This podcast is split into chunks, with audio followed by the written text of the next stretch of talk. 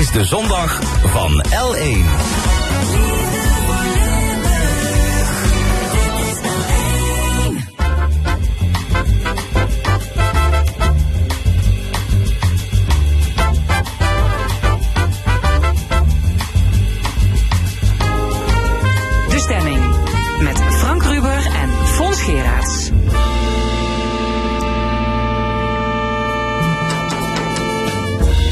Welkom bij De Stemming, het interview- en discussieprogramma van L1 Radio. Met vandaag, Erik Wetsels doet een gooi naar het voorzitterschap van de VVD.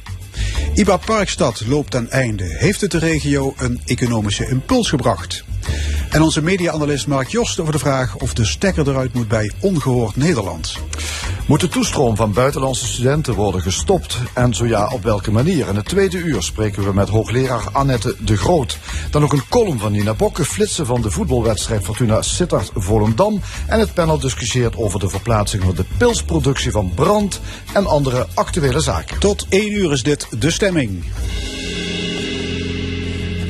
Sticker, Korthals, Altus, Haja van Zomeren, Ivo Opstelten. Ze hebben één ding gemeen. Ze waren ooit voorzitter van de VVD, de Volkspartij voor Vrijheid en Democratie. Die functie is momenteel vakant omdat Christiane van der Wal is vertrokken naar het kabinet. Een van de twee kandidaten is Erik Wetsels, Maastrichtenaar van origine, ondernemer en al bijna 50 jaar lid. Hij neemt het op tegen Onno Hoes, voormalig burgemeester van Maastricht. Bij ons Erik Wetsels. Goedemorgen. Ja, dank u Ja. wel. Meneer Wetsels, u woont al heel lang in Noord-Brabant. Maar zit er toch nog iets Limburgs in u trouwens? Ja, dat gaat er nooit uit. Nee? Eh, Ik ben hier geboren, eh, vrijwel om de hoek. En eh, nou, mijn, mijn familie woont hier nog voor een deel. En dus ik kom hier nog heel vaak. En in Maastricht en ook in andere delen van Limburg. Ja. U woont in Breda. Ik woon in. Oosterhout. Ik heb, een, ik heb een bedrijf in Breda. Ja. Typische VVD'er, eh, eigenaar van het bedrijf. Dus ja, dan, dan hoor je bij de VVD, hè? nou ja, kijk, de VVD eh, afficheert zich als een ondernemerspartij. Dus eh, nou ja, ik denk dat wij inderdaad ook opkomen voor ondernemers. Maar we zijn een hele brede volkspartij. Dus Ja. ook andere. Ja, u bent trouwens vicevoorzitter op dit moment hè, van de Nee. VVD. Bent u niet meer? Nee, nee, nee, dat ben ik geweest tot, tot, tot, tot 2,5, 3 jaar geleden. Oké, vicevoorzitter geweest. Hoe goed kent u de VVD? Nou, ik ben op mijn zestiende lid geworden. In 1976. Dus eh, de, ehm, dat was toen een vrij ongebruikelijke stap hier in Zuid-Limburg. Toen was de VVD nog heel erg klein. Ik heb toen samen met een aantal vrienden eh, op verzoek van de VVD Maastricht de JVD Zuid-Limburg opgericht. Het was toen een hele leuke bijeenkomst in het Maaspaviljoen met Dick Dees. ging over de Universiteit Limburg, wat toen speelde. Ehm, en, en daarna ben ik altijd eigenlijk lid gebleven op een eh, paar jaar na toen ik in Zuid-Amerika woonde en werkte. ehm, en altijd actief geweest in de VVD. Ja, altijd actief geweest eh, in het eh, bestuurlijke In het deel van de bestuurlijke. partij. Ja, ik ben nooit in een vertegenwoordigend lichaam heb ik nooit gezeten. Ja, nooit maar. in de gemeenteraad, provinciale Nee. staten en dergelijke. Nee. Ehm, ja, u wil voorzitter worden. Waarom? Waarom? Nou, we zijn twaalf jaar eh, de grootste partij. We eh, leveren twaalf jaar de minister-president. We eh, maken twaalf jaar deel uit van eh, coalities. En ik vind dat we nu de partij klaar moeten maken voor de toekomst. Ehm, dat we een toekomstbestendige VVD hebben. En ik vind dat dat vanuit de leden moet komen. Dat er niet een klein clubje in Den Haag is dat gaat bepalen welke kant de VVD opgaat. Maar dat we dat samen met, met elkaar gaan doen. En daarvoor heb ik mij kandidaat gesteld. Ja, de VV VVD'ers zijn meestal wel erg trouw. Hè? En de, de partijkoers, ehm, congressen, die zijn altijd ook wel een beetje saai in dat opzicht. Hè? Er zijn partijen waar wel wat meer gebakkeleid wordt. Ehm, misschien tot, tot, tot voor kort. De, Ja. Want er broeit iets in de Ja. partij, lijkt het wel. Nee, dat, eh, als het aan mij ligt gaat dat veranderen. Dat er ook wat meer discussie eh, komt in de, in de VVD. Ehm, want je wordt lid van een politieke partij omdat je mening hebt. Omdat je eh, een mening hebt over de inrichting van de samenleving. Over de inrichting van je eigen, van je eigen leven. Welke rol de overheid speelt.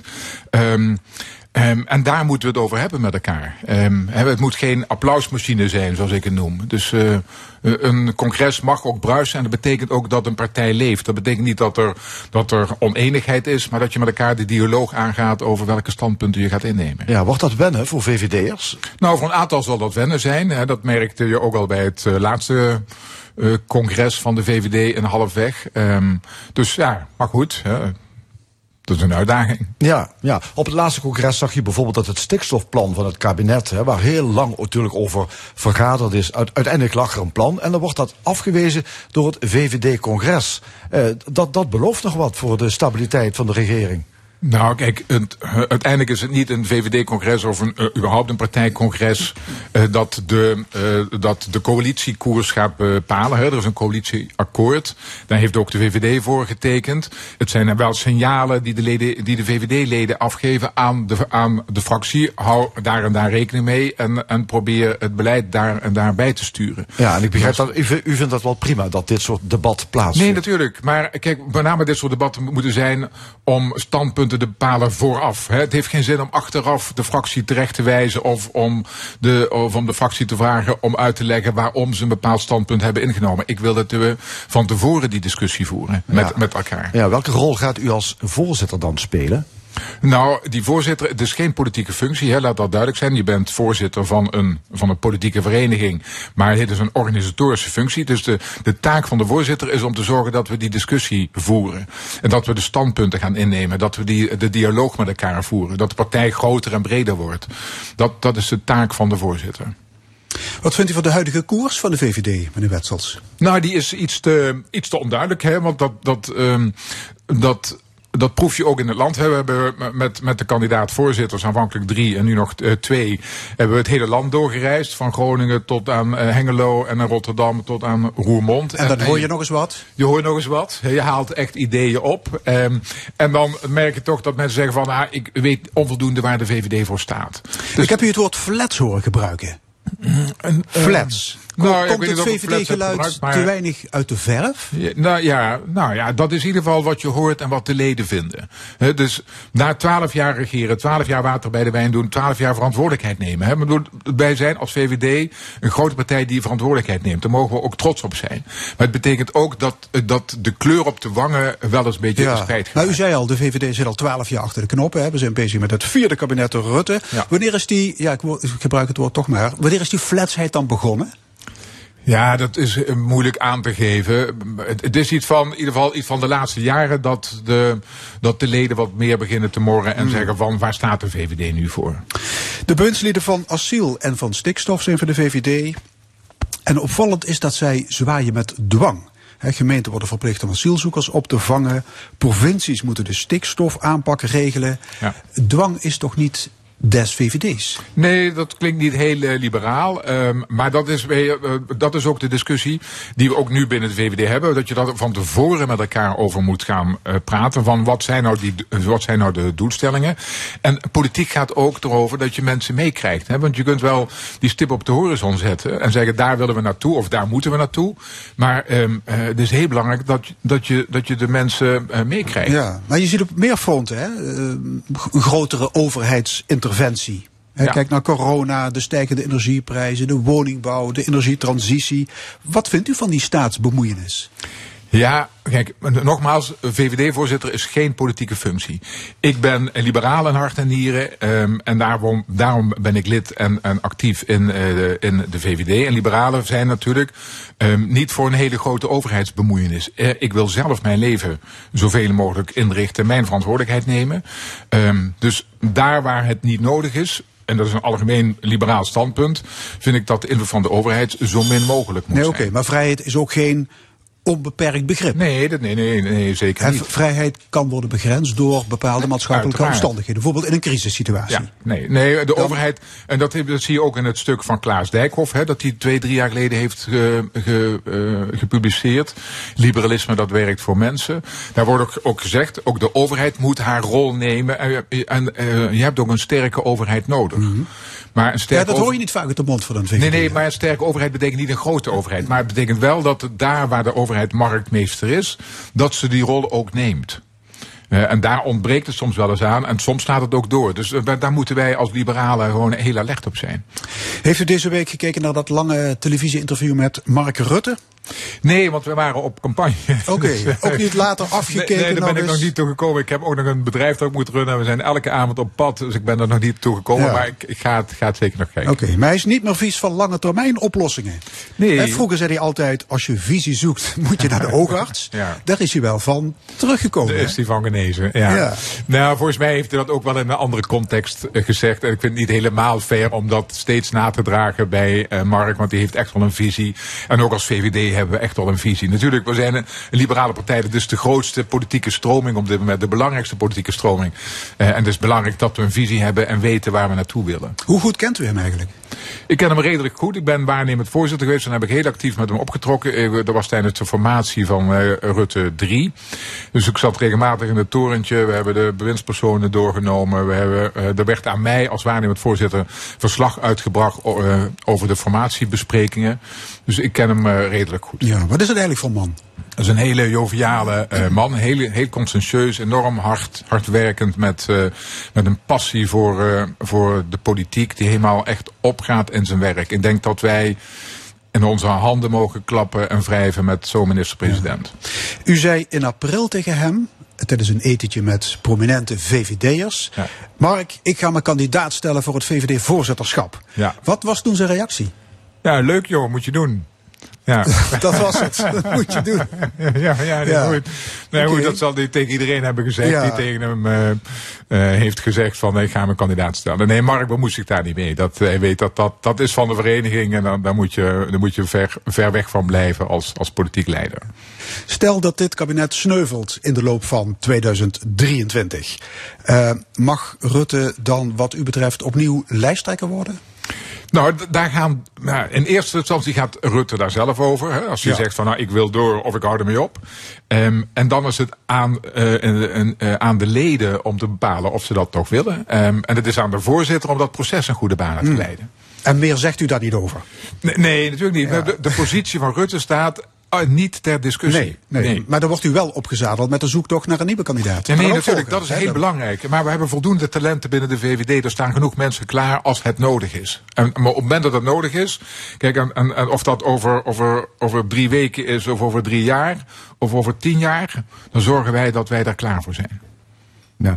Ik hoorde u zeggen dat u op campagne bent, dat u druk bent eh, elke avond. Ja. Dus De zaaltjes in? Ja, daar zaaltjes in. Ja, met de, en dan met de VVD-leden dan in conclave. Met de VVD in eh conclave en in discussie. ehm, en dat is heel leuk. Dus, ehm, Waar gaat dat allemaal over? Nou ja, over, over de kleur op de wangen, over de standpunten, over de organisatie, over de afdelingen. Zijn ze te groot, zijn ze te klein? Ehm, Dat is toch heel saai, hè? Om over de, de, de grootte van de afdelingen te gaan hebben. Nee, maar goed, daar zijn wel, mensen wel mee bezig. Oh, hè, dat, wat ik zeg, het is geen politieke functie. Het gaat om de organisatie. Ik vind het leuk om dat oliemannetje op de achtergrond te zijn. Om, om aan die partij te werken. Om te zorgen dat er meer leden bij komen. En ja, En al die leden mogen stemmen, dat gaat nu alle leden mogen schriftelijk. stemmen. Dat gaat via een eh, online ledenraadpleging. U neemt het als voorzitterskandidaat op tegen Onne Hoes. En die eh, kennen we natuurlijk, oud-burgemeester van Maastricht.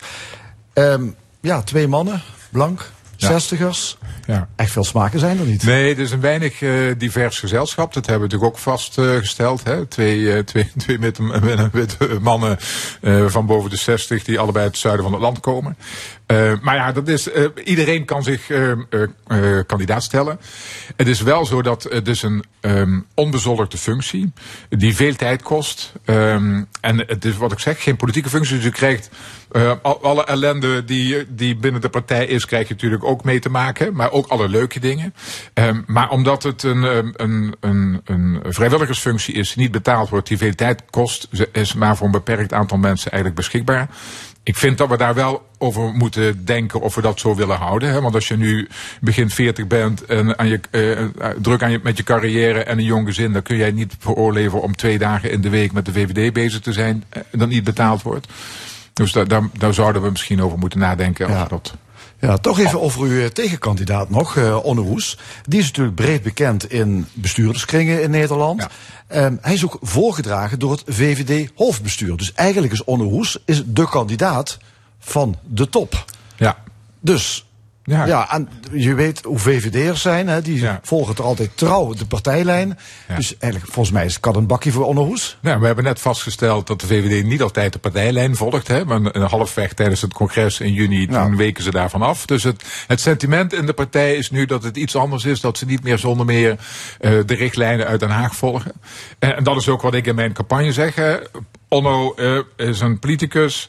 Ehm, en die, die toont misschien meer begrip voor, eh, voor, voor Den Haag dan dat ik zal hebben als eh, onafhankelijke ondernemer zonder politieke ambities. Ja, zit hem daar het verschil in? Dat hij, eh, dus, dat Onno Hoes eh, eigenlijk meer Haags denkt en dat u van onderop kijkt? Nou, het is uiteindelijk aan de leden om dat te bepalen. Maar ja, zo, zo zie ik het wel, ja. Ja, u wordt ook gesteund door een heleboel Ja. fractievoorzitters op lokaal niveau. Hè? er zijn der- 30 eh, afdelingen in het land Ja. die, eh, ja, die u steunen.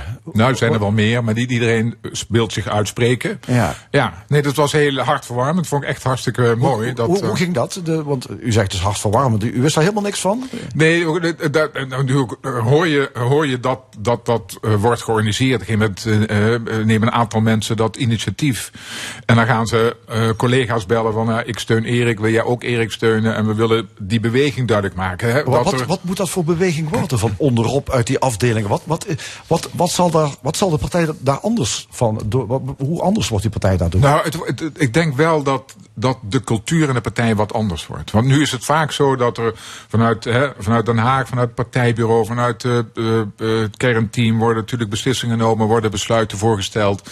En dat wordt voorgelegd aan de leden. En, en die vinden dat tot nu toe vaak mooi. En dan wordt er geapplaudisseerd. En, En, en dan komt er zo'n stikstofplan en nu gaat dat van onderop. en nu gaat het een van onderop. En dat zie je ook bij de stikstof. En toen hebben ook heel veel afdelingen en leden zijn samengekomen en zegt: jongens, dit gaat zo niet. Het is geen goed plan. Eh, Tenminste, dat vonden zij. Ehm, en, en, wij, en wij keren ons daartegen. Dus, En- dus u bent voornemens om de partijcultuur te veranderen. Dus u bent meer Ja. dan een oliemannetje, wat u er straks Nee, zei. oké, maar, nee, maar, goed, nee, maar ook de olieman moet wel zorgen dat het allemaal eh, goed, goed, goed blijft doorlopen. Hè? Dus eh, dat er wel dialoog is. Maar we en krijgen meer reuring, meer eh, Ja, dat discussie. betekent dat de partij gaat, gaat iets meer bruisen als, eh, als we daarmee Zeg, en het voorzitterschap van het- de VVD is uiteindelijk natuurlijk een heel mooie opstap naar een ministerschap. ja, ja, geen haar om mijn hoofd. Nee, nee, nee, geen echte. Ik, eh, mijn, mijn Dat is, vrouw. dat is wel een betaalde functie Ja, trouwens. dat is wel een betaalde functie. Ja, je moet Nee. altijd ook blijven ontkennen tot het zover is. Hè? Ja, misschien dat, dat, dat geldt misschien voor andere kandidaten, maar absoluut niet voor mij. Nee, ik heb, ik, ehm, als, ik, als ik zoiets zou doen, zou, zou dat mijn echtscheiding betekenen. Ja, ik zie uw vrouw al nee Ja, schudden ja, trouwens. Ja, het gaat echt niet gebeuren. Nee? nee. nee, Ja, Kunnen we nee. noteren. Ja, kunnen we echt noteren. Dit wordt opgenomen, dus eh, ja, absoluut. Oké. Dank u wel, Erik Wetsels, kandidaat voorzitter van de VVD. Dank voor dit gesprek. Parkstad Limburg was acht jaar IBA-gebied. Is de regio daadwerkelijk gerevitaliseerd? Wat is er door IBA van de grond gekomen? Daar gaan we het zo meteen over hebben in de stemming. Eerst muziek, hier is Milo.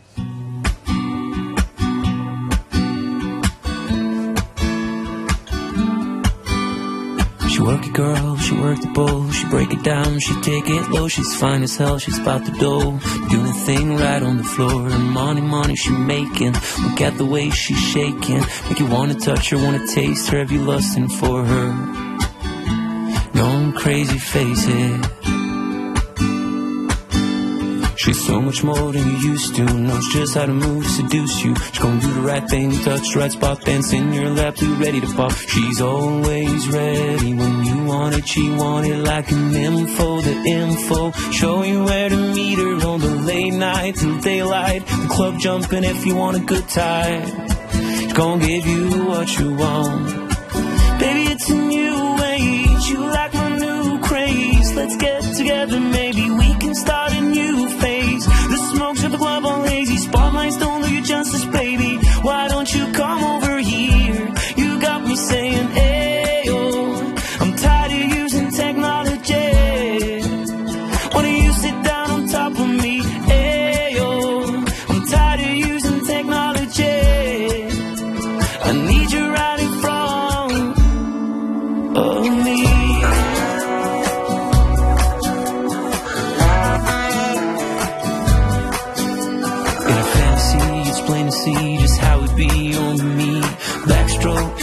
On soaking all into my set said she's when she ready to ride, I'll be ready to roll. I'll be in this bitch till the club close. What should I do on all fours? Now that that shit should begin to law. Different style, different move. Damn, I like the way you move. Girl, you got me thinking about all the things I do to you. Let's get it poppin', shorty. We can switch positions from the couch to the counters of my kitchen.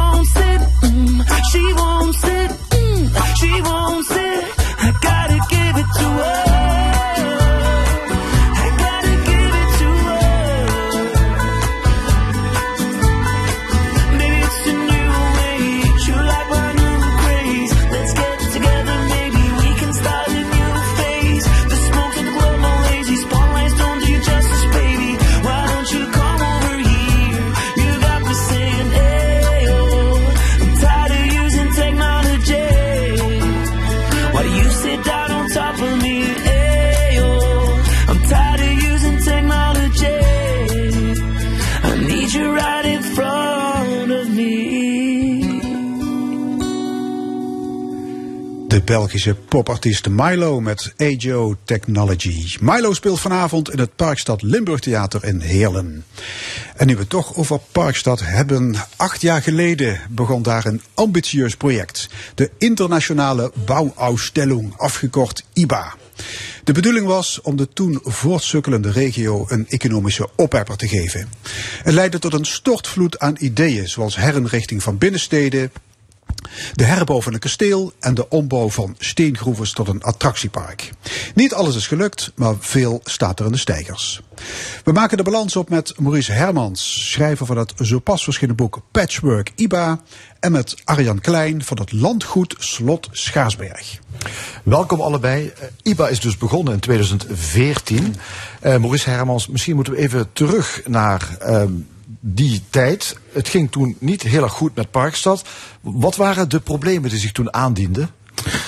Nou, ja, IBA is ook al eh, veel eerder begonnen, 2008. En, en dat was eigenlijk eh, demografische krimp in Parkstad. Dus, dus met, met effecten zoals als leegstand, eh, wegtrekkende jonge mensen. En er kwam nog eens de economische, economische crisis bovenop. Dus er werd, werd eigenlijk nog eens die demografische krimp versterkt. Dus er was toen eigenlijk een, een urgentie om anders na te denken over, over die stad, over die parkstad. Om, om het anders te doen dan normaal, omdat de normale manieren om, om het te doen niet meer eh, werkten. En toen kwam het idee van IBA, de Internationale Bouwausstelling. Dat is een idee uit Duitsland. Want in Duitsland is dit eh, concept al ehm, meer dan een eeuw, wordt dat toegepast op allerlei steden en regio's. Kun je het eh, heel kort omschrijven? Wat is IBA? Precies, eh, internationale bouwausstelling, dus van origine, dus wat het zegt, hè, een expositie waarin de nieuwste ehm, architectuur, stedenbouw tentoon wordt gesteld. Maar dat is het eigenlijk al lang niet meer. Er zit eh, ook een hele sterke sociale en culturele component in. Het heeft steeds betrekking op een regio of een stad, of een deelstaat zelfs in Duitsland. Sachsen-Anhalt is bijvoorbeeld in 2008 eh, IBA geweest.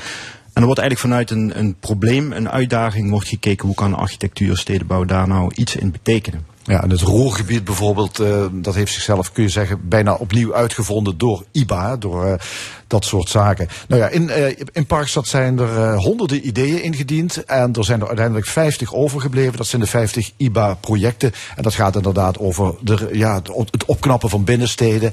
En ehm, ja, allerlei andere ideeën, hè, eh, fietspaden, er zit echt van alles in.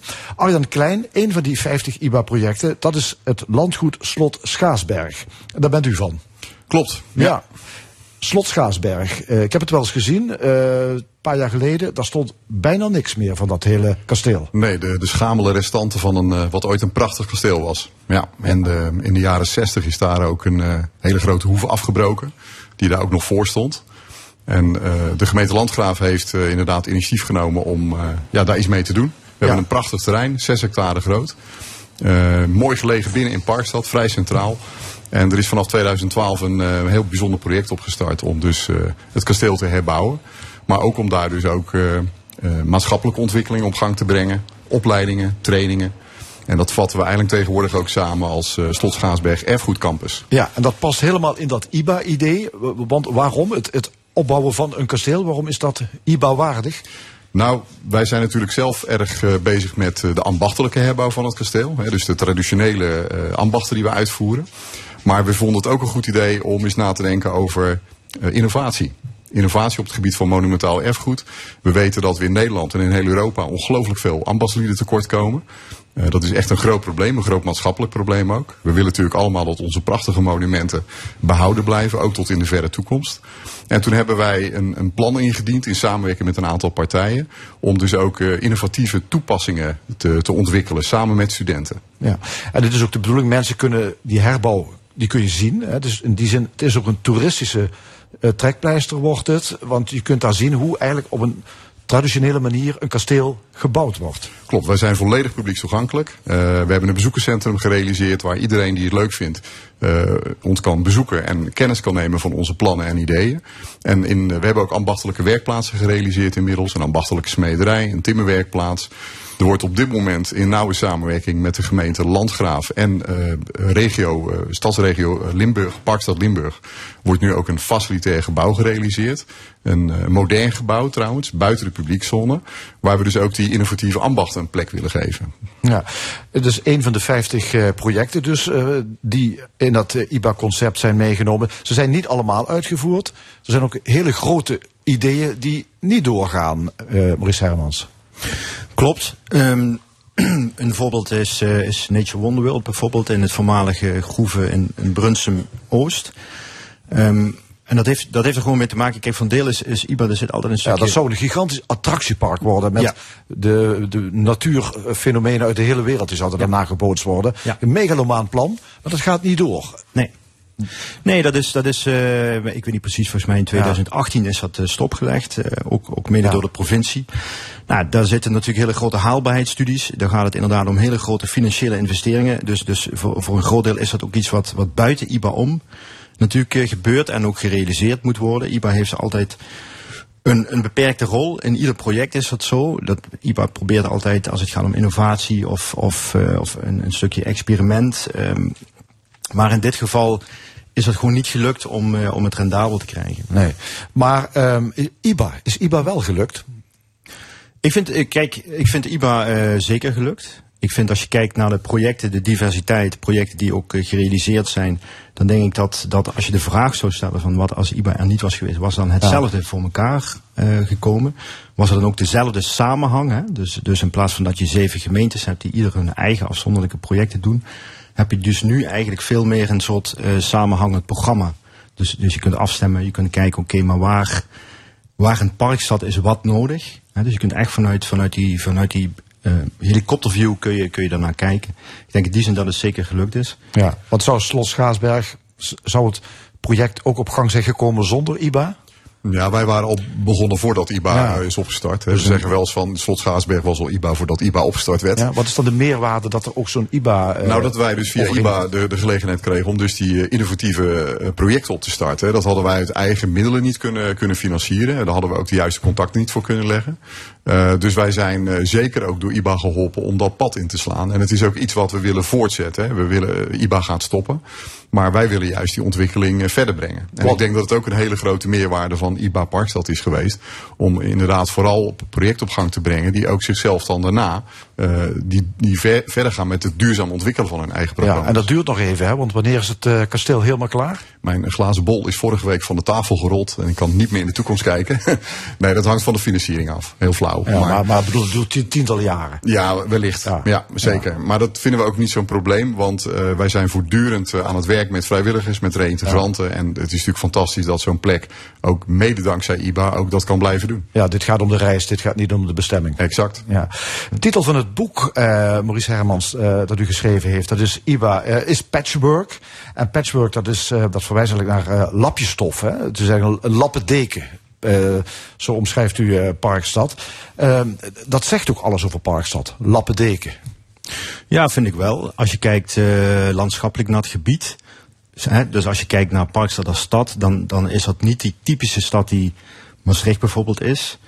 Um, het is een heel afwisselend gebied met stedelijke kernen, maar ook hele kleine landschappelijke geheugden. Maar als je bijvoorbeeld ook kijkt uh, sociaal-economisch naar de verschillen binnen Parkstad, als het gaat om gezondheid of opleiding, die zijn ook heel groot, levensverwachting. In Voerendaal word je gemiddeld gezien ouder dan Nederlanders. Uh, in Kerkrade gemiddeld gezien minder oud. Dus, dus ook sociaal-economisch. Dus het is een gebied van contrasten. En ik denk als je, als je kijkt naar wat IBA aan project heeft gerealiseerd, dan zie je ook dat het recht heeft gedaan aan die verschillen. Dus de projecten zijn ook ontzettend verschillend. Um, als je bijvoorbeeld IBA Emscher Park, hè, dus in het Roergebied, dat zijn toch allemaal best wel grote top-down, echte architectuurprojecten. En ik vind typisch voor IBA Parks, dat is dat ook kleine sociale projecten naast grote uh, gebouwde architecten projecten uh, bestaan. Zeg maar. Dus Ja. in die zin heeft het echt ook recht gedaan aan het patchwork. Ja, maar de lappendeken is blijven bestaan. Die is, eh hè, zal maar zeggen, Ja. het is niet de bedoeling geweest om er meer eenheid van te maken. nee, zin. ik denk juist dat, dat eh, de bedoeling. eh, Misschien dat het van tevoren niet zo is uitgesproken, maar ik denk uiteindelijk dat die lappendeken juist het karakter is van die, van die streek en dat IBA dat juist wat meer onderlijnd heeft. In Ja. plaats van dat te veranderen of naar iets anders te willen maken. Ja. In Duitsland zie je dat die IBA-regio's gebruik hebben gemaakt van authentieke elementen. Hè? Maar in Parkstad is er bijvoorbeeld helemaal geen industrieel erfgoed meer over. Hè? Bijna niks wat aan die mijnen herinnert. Ehm ja, zal maar zeggen, al die iconische gebouwen die het Roergebied, hè, dat zichzelf heeft uitgevonden door die gebouwen weer een nieuwe invulling te geven, dat, ja, dat, dat kan daar niet en dat is dus ook niet gebeurd. Dus zal maar zeggen, die smoel heeft Parkstad daar niet door gekregen. Nee, dat klopt. Hè. Dat, is, dat is tamelijk rigoureus is dat eh, allemaal eh, gesloopt. En ook heel definitief gesloopt. Dat is echt een verschil met het Roergebied of ook het Belgische eh, mijnstreekgebied. Tegelijkertijd zeg je, ja, dat is dan ook wel heel interessant. Hè, dat dat in deze streek juist niet voorhanden is. Dus je moet kijken naar andere dingen. Um, ik denk ook dat IBA bijvoorbeeld uh, religieus erfgoed is een thema geweest. Maar ik denk ook uh, Slot Schaasberg. Wilhelminaberg is natuurlijk een heel belangrijk project geweest. Dat, dat vind ik ook echt een icoon voor die mijnstreek. Het is niet meer als zodanig herkenbaar als, als Mijnsteenberg, maar juist als. Ja, het heeft echt een transformatie ondergaan van, van, die, van, die, van die afvalberg naar toch een icoon dat ook dat toerisme bijvoorbeeld uh, onderstreept. Dus, dus in die zin uh, denk ik dat, dat IBA Parks dat echt naar andere, andere manieren is uh, gaan zoeken om toch die identiteit te laten zien. Bij afwezigheid van dat, uh, van dat industrieel erfgoed. Want dat is gewoon echt overal. Uh, ja, nou ja, we hebben Slot Schaasberg. Dat is geen industrieel erfgoed, maar natuurlijk wel erfgoed. Misschien kan dat uitgroeien tot een soort uh, Sagrada Familie-achtige onderneming? Ja, wellicht. Uh, maar dan wel op een iets andere methode. Met een andere methode. Maar ja, even wat, uh, wat Maurice ook net aangaf. Ik denk wat, wat uh, IBA Parkstad misschien ook heeft veroorzaakt. Is uh, Parkstad is eigenlijk een hele dynamische regio. Maar heel veel mensen binnen Parkstad zien dat misschien niet altijd. En ik denk dat IBA ook heeft geholpen om te laten zien hoe ongelooflijk divers uh, Parkstad eigenlijk is. En hoeveel verschillende mogelijkheden er zijn om ook voor de toekomst de regio verder te versterken. En ik denk dat dat zeker ook, uh, wij, proberen als, als Slot Schaatsberg daar natuurlijk ook een bijdrage aan te leveren.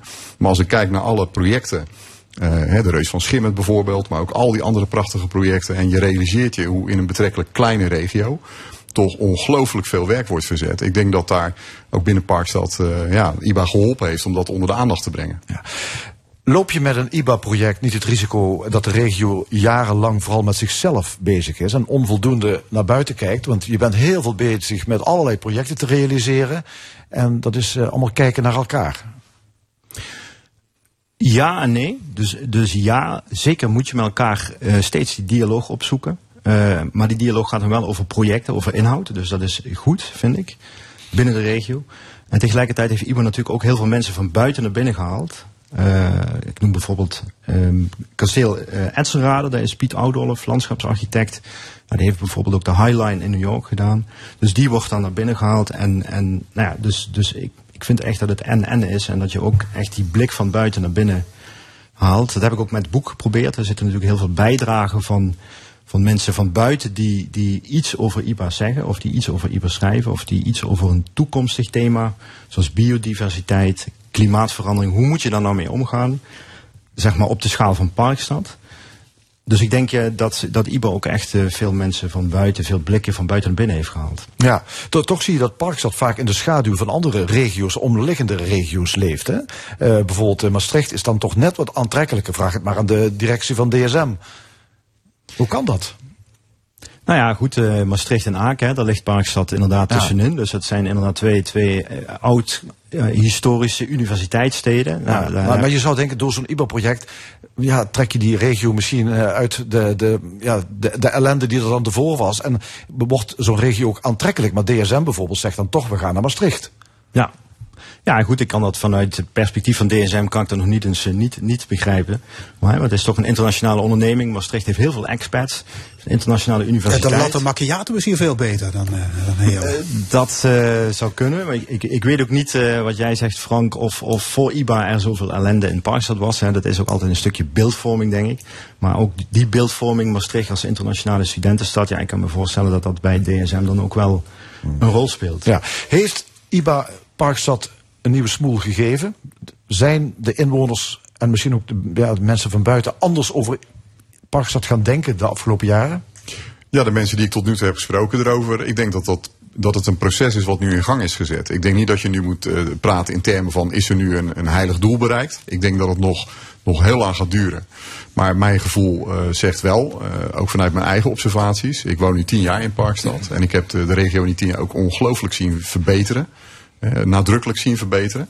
Ik denk dat er een hele mooie beweging op gang is gekomen. En ik denk dat we ook niet meer moeten praten in termen van dat Parkstad dat die allemaal problemen heeft. Ik denk dat, eh, dat er voor Parkstad ongelooflijke mooie kansen en mogelijkheden in het verschiet liggen.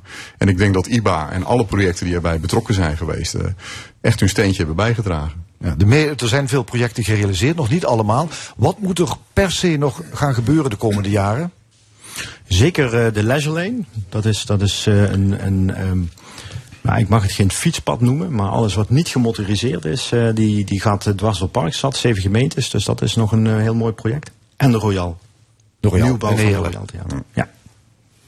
Oké, nou dat, dat gaat er dus nog allemaal komen. Wat dat betreft is IBA nog niet afgesloten, maar het blijft doorgaan.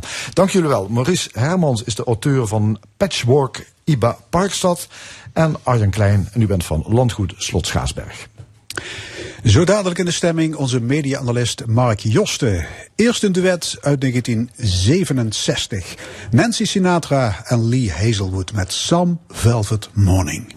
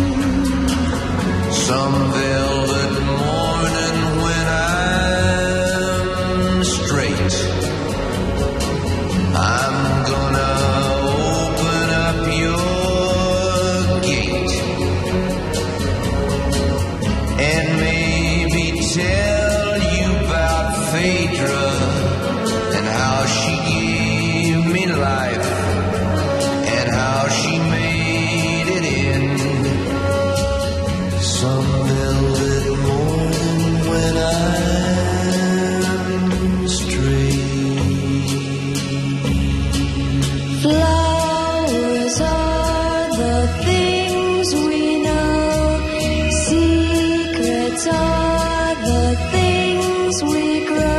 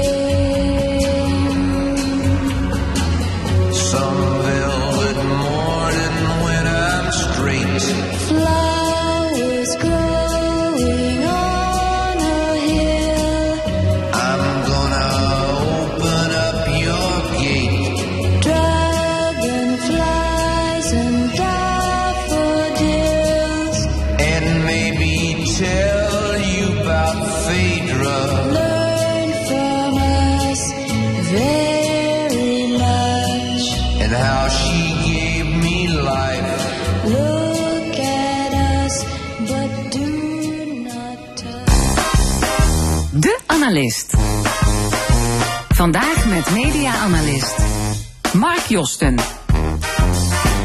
Mark, welkom. Goedemorgen. Je bent eh, hoofdredacteur van Omroep Human. En nu is er gelazen met een andere kleine publieke omroep, namelijk Ongehoord Nederland. Eh, ik heb begrepen dat de gezamenlijke hoofdredacteuren niks meer met die club te maken willen hebben. En niet meer samen met Ongehoord Nederland willen meedoen aan het zogenoemde genreoverleg in Hilversum. Wat is dat, het genreoverleg? Ja, ik ga iets. eh, dit, is, dit is echt Hilversums Oké, hou het- bakgoed. hou het kort. Ik probeer, ik, ja, ik probeer het simpel en kort te houden. Vergelijk Hilversum even met de Europese Unie. En daar zitten heel veel landjes bij. Je noemde net Human, dat is een klein vitaal landje. Je hebt grote landen zoals BNM Vara en zo. En die moeten samenkomen om die zenders goed te vullen. Nou, en die hebben daarvoor een journalistiek overleg. Journalistiek is natuurlijk het belangrijkste wat eh, Hilversum brengt. En wij moeten met z'n allen ehm, nou ja, met elkaar eens worden over wat de programmering wordt, wat de uitgangspunten zijn. En dat ging tot nu toe, hoe groot de tegenstellingen ook waren, hartstikke goed. De EO, dat zijn diepgelovigen. En wij bij Human, we zijn heidenen. Maar dat ging prima samen. Want wij voelden, we hebben wel een basis. We geloven in feiten. Alleen de ander, die interpreteert dat anders dan de ander. En nu komt er een andere partij bij. Ja. En dan wordt het ingewikkeld. Ingewikkeld. En dat leidt tot een soort boycott. Want jullie zeggen, we willen Ongehoord Nederland niet meer bij dat overleg. Waarom deze stap? Ja. Ja, dat is, eh, ik, ik snap eh, ik, he- helemaal eh, eh, de vraag. Kijk, eh, waarom deze stap is heel rigoureus ook. Kijk, en het heeft alles ermee te maken dat heel veel omroepen zijn totaal anders. Dat heet in Nederland pluriformiteit. Je mag ook heel anders zijn. Je mag zelfs ook heel radicaal zijn. Het enige wat overal geëist wordt, in alle beleidsplannen, wat dan ook, is dat je, wat je ook doet, alles op feiten gebaseerd doet fact-based. Dus dat ik mag in alles geloven als ik maar uiteindelijk met jullie erover eens kan zijn dat we hier aan een tafel zitten en eh, dat we niet in een badkuip zitten. Ik noem maar eens wat. Dat, dat zijn echt dingen die, die, die zijn Ja, maar fundamenteel. nu heeft Ongehoord Nederland pas geleden gezegd... we houden ons niet bezig met feiten, we zijn een opinie. We maken een Ja, opinieprogramma. Maar dat is, dat is heel, heel erg interessant. Want daar, daar gaat iets enorm mis. En daar hebben we er ook een genre-beleidsplan voor. Sorry, ook weer voor dat woord. Daar staat allemaal precies in benoemd wat het verschil is tussen opinie en een actualiteit of een nieuwsprogramma. Maar daar is een groot misverstand. Heel veel mensen denken dat je opinie kan hebben losgezongen van de feiten. Ik vind, en dat, dat staat ook in het beleid, je mag alles vinden als het maar op feiten gebaseerd is. Je mag alles zo interpreteren als jij wil. Ja, als jij zegt, deze tafel waar we nu aan zitten, dat is een hele lelijke tafel, mag je zeggen. Je mag ook zeggen, dat is een hele mooie tafel. Maar je mag niet ontkennen dat we aan een tafel zitten. Nou, dat is permanent het probleem. We hebben nu ook dat ongehoord een paar keer meegemaakt. Daar valt niet mee te praten. En bovendien, nog veel belangrijker, ze hebben dat algemene document waar iedereen zich aan houdt, hebben ze niet, Niet ondertekend. ondertekend. Nou, kijk, het, het is net als met de Europese Unie. Ja, je kan, eh, je kan, eh, men is heel ruimhartig, maar ergens houdt het op. En wij hebben het moment bereikt in de aanloop naar een volgende vergadering dat we dachten, ja, dit kan zo niet langer. De druppel die de emmer deed overlopen was een recent item over racisme. Een compilatie van filmpjes waarin je ziet dat zwarte mensen, eh, blanke men, witte mensen in elkaar slaan. Eh, bovendien werd het N-woord gebezigd. En dat gaat alle perken te buiten. Ja, Hier dat is een gaat- grens overschreden. Dat is, eh, kijk, even, even heel, heel simpel, even los van de, de, de verhalen die gewoon op feitelijke basis niet klopte. Dit verhaal, dat is. Dat was zo in strijd, nou ook trouwens met de feiten, want daar, die werden zo verdraaid dat, uh, dat het geen feiten meer waren. Uh, maar daar, daar zit nog iets anders aan. Kijk, we, in Nederland wordt verwacht dat iedereen zich aan artikel 1 van de grond, grondwet houdt, dat je niet discrimineert. En hier werd ja, verschrikkelijk gediscrimineerd. Dit, ik weet niet of jullie het item hebben gezien. Het is eigenlijk, um, ja, het is niet om aan te kijken. Ja. Zo, um, zo vreselijk. Um, ja, dat, dat, dat overschrijdt alle grenzen. Dat overschrijdt de grenzen van het fatsoen. En daar, ja, dat, dat zijn toch uh, grenzen die ook door een publieke omroep, met alle ruimte die je krijgt, toch in acht genomen moet worden. Nu hebben de andere omroepen dus een cordon sanitair aangelegd. Wat betekent dit voor de toekomst van Ongehoord Nederland? Nou, in, in onmiddellijke zin, uh, uh, formeel juridisch niets. Want formeel juridisch gaat het genreoverleg. Dat is misschien wel het journalistiek belangrijkste overleg van Hilversum. Maar het is niet het formeel bestuurlijke orgaan dat hier de beslissing neemt. Dat is uiteindelijk de minister, Robert Dijkgraaf. Die staat in artikel uh, 2.33 van de Mediawet. Staat dat als iemand moet ingrijpen, is het de minister. Dat kunnen wij niet. Oké. Okay. En het commissariaat voor de media? Ja, hebben die? Ja, die, die hebben een hele belangrijke rol. Er zijn twee instanties, ik ga ook dit simpel proberen mm -hmm. te houden. Er zijn twee instanties die kunnen de stekker eruit trekken. He, dat kunnen wij nogmaals als hoofdredacteuren niet. Dat kan uh, uh, de minister doen op voordracht van de uh, voorzitter van de Raad van Bestuur van de publieke omroep, Frederike Leeflang. Ja, PNO, en, ja, de PNO-baas. NPO, ja, Nederlandse publieke sorry, omroep. NPO. Ja. En en het kan op voordracht van het commissariaat voor de media. Ja. En nou is het een beetje het probleem met het commissariaat voor de media. Die doen wel naar aanleiding van die zaak die jij net noemde. Dat racistische item van uh, anderhalve week geleden. Doen zij onderzoek. Maar ze hebben al aangekondigd. Wij komen pas met een uitslag uh, in het tweede kwartaal van volgend jaar. En dus als je, die komen pas met een uitslag in ja, april 2023? Ja, ja, en dat, en dat is, en ik, ik ken de journalistieke werkvloer, dat is echt onhoudbaar. Want je, okay. we hebben echt nou iets in huis waar niet mee te werken valt. En uh, nou ja. Maar vind als, jij nu dat de minister of, of de, de, de staatssecretaris van Cultuur onmiddellijk moet ingrijpen? Kijk, het, het, de staatssecretaris en, nou ja, nee, ik zeg de staatssecretaris. De staatssecretaris mag dat, ja, mevrouw Oesloe mag ja. dat alleen doen, gemachtigd door Robert Dijkgraaf, ja, de minister. Maar inderdaad, uh, um, die hebben ook een eigen bevoegdheid. Die kunnen ook zeggen, we wachten niet op dat uh, commissariaat. Kijk, gezien de ja, situatie maar, maar een bewindspersoon zal niet gauw een, een zender het zwijgen opleggen. Hè? Dat wordt al heel gauw beticht van het aantasten van de vrijheid van meningsuiting. Die gaat daar, niet, die, die gaat daar niks over zeggen, ben ik bang. In, in, in de normale omstandigheid groot gelijk, en dat vind ik ook, in, in normale omstandigheden geldt dat niet. Maar iedereen die dat item heeft gezien van vorige week, die weet dat dit niet normaal is. Dat het ook niet normaal is dat het op een publiek net komt, dat dat door de belastingbetaler gefinancierd wordt. Dus ik denk, om dit niet langer voor te laten bestaan, is het wel goed dat uh, het adagium van uh, Olde Barneveld, dat, die, uh, dat dat een beetje in acht wordt genomen. Beul houdt kort. Oké. Okay. Ja. Maar, maar wat moet er volgens jou gebeuren? Uh, ja, ik, ik, ik, ik, ik ben erg voor bestuurlijke daadkracht nu. Het, het is niet aan ons. We hebben als journalisten, als hoofdredacteuren, een zo duidelijk mogelijk, mogelijk signaal afgegeven. Ik, nu zijn de bestuurders aan zet. En het enige wat ik kan zeggen, uh, wacht niet te lang.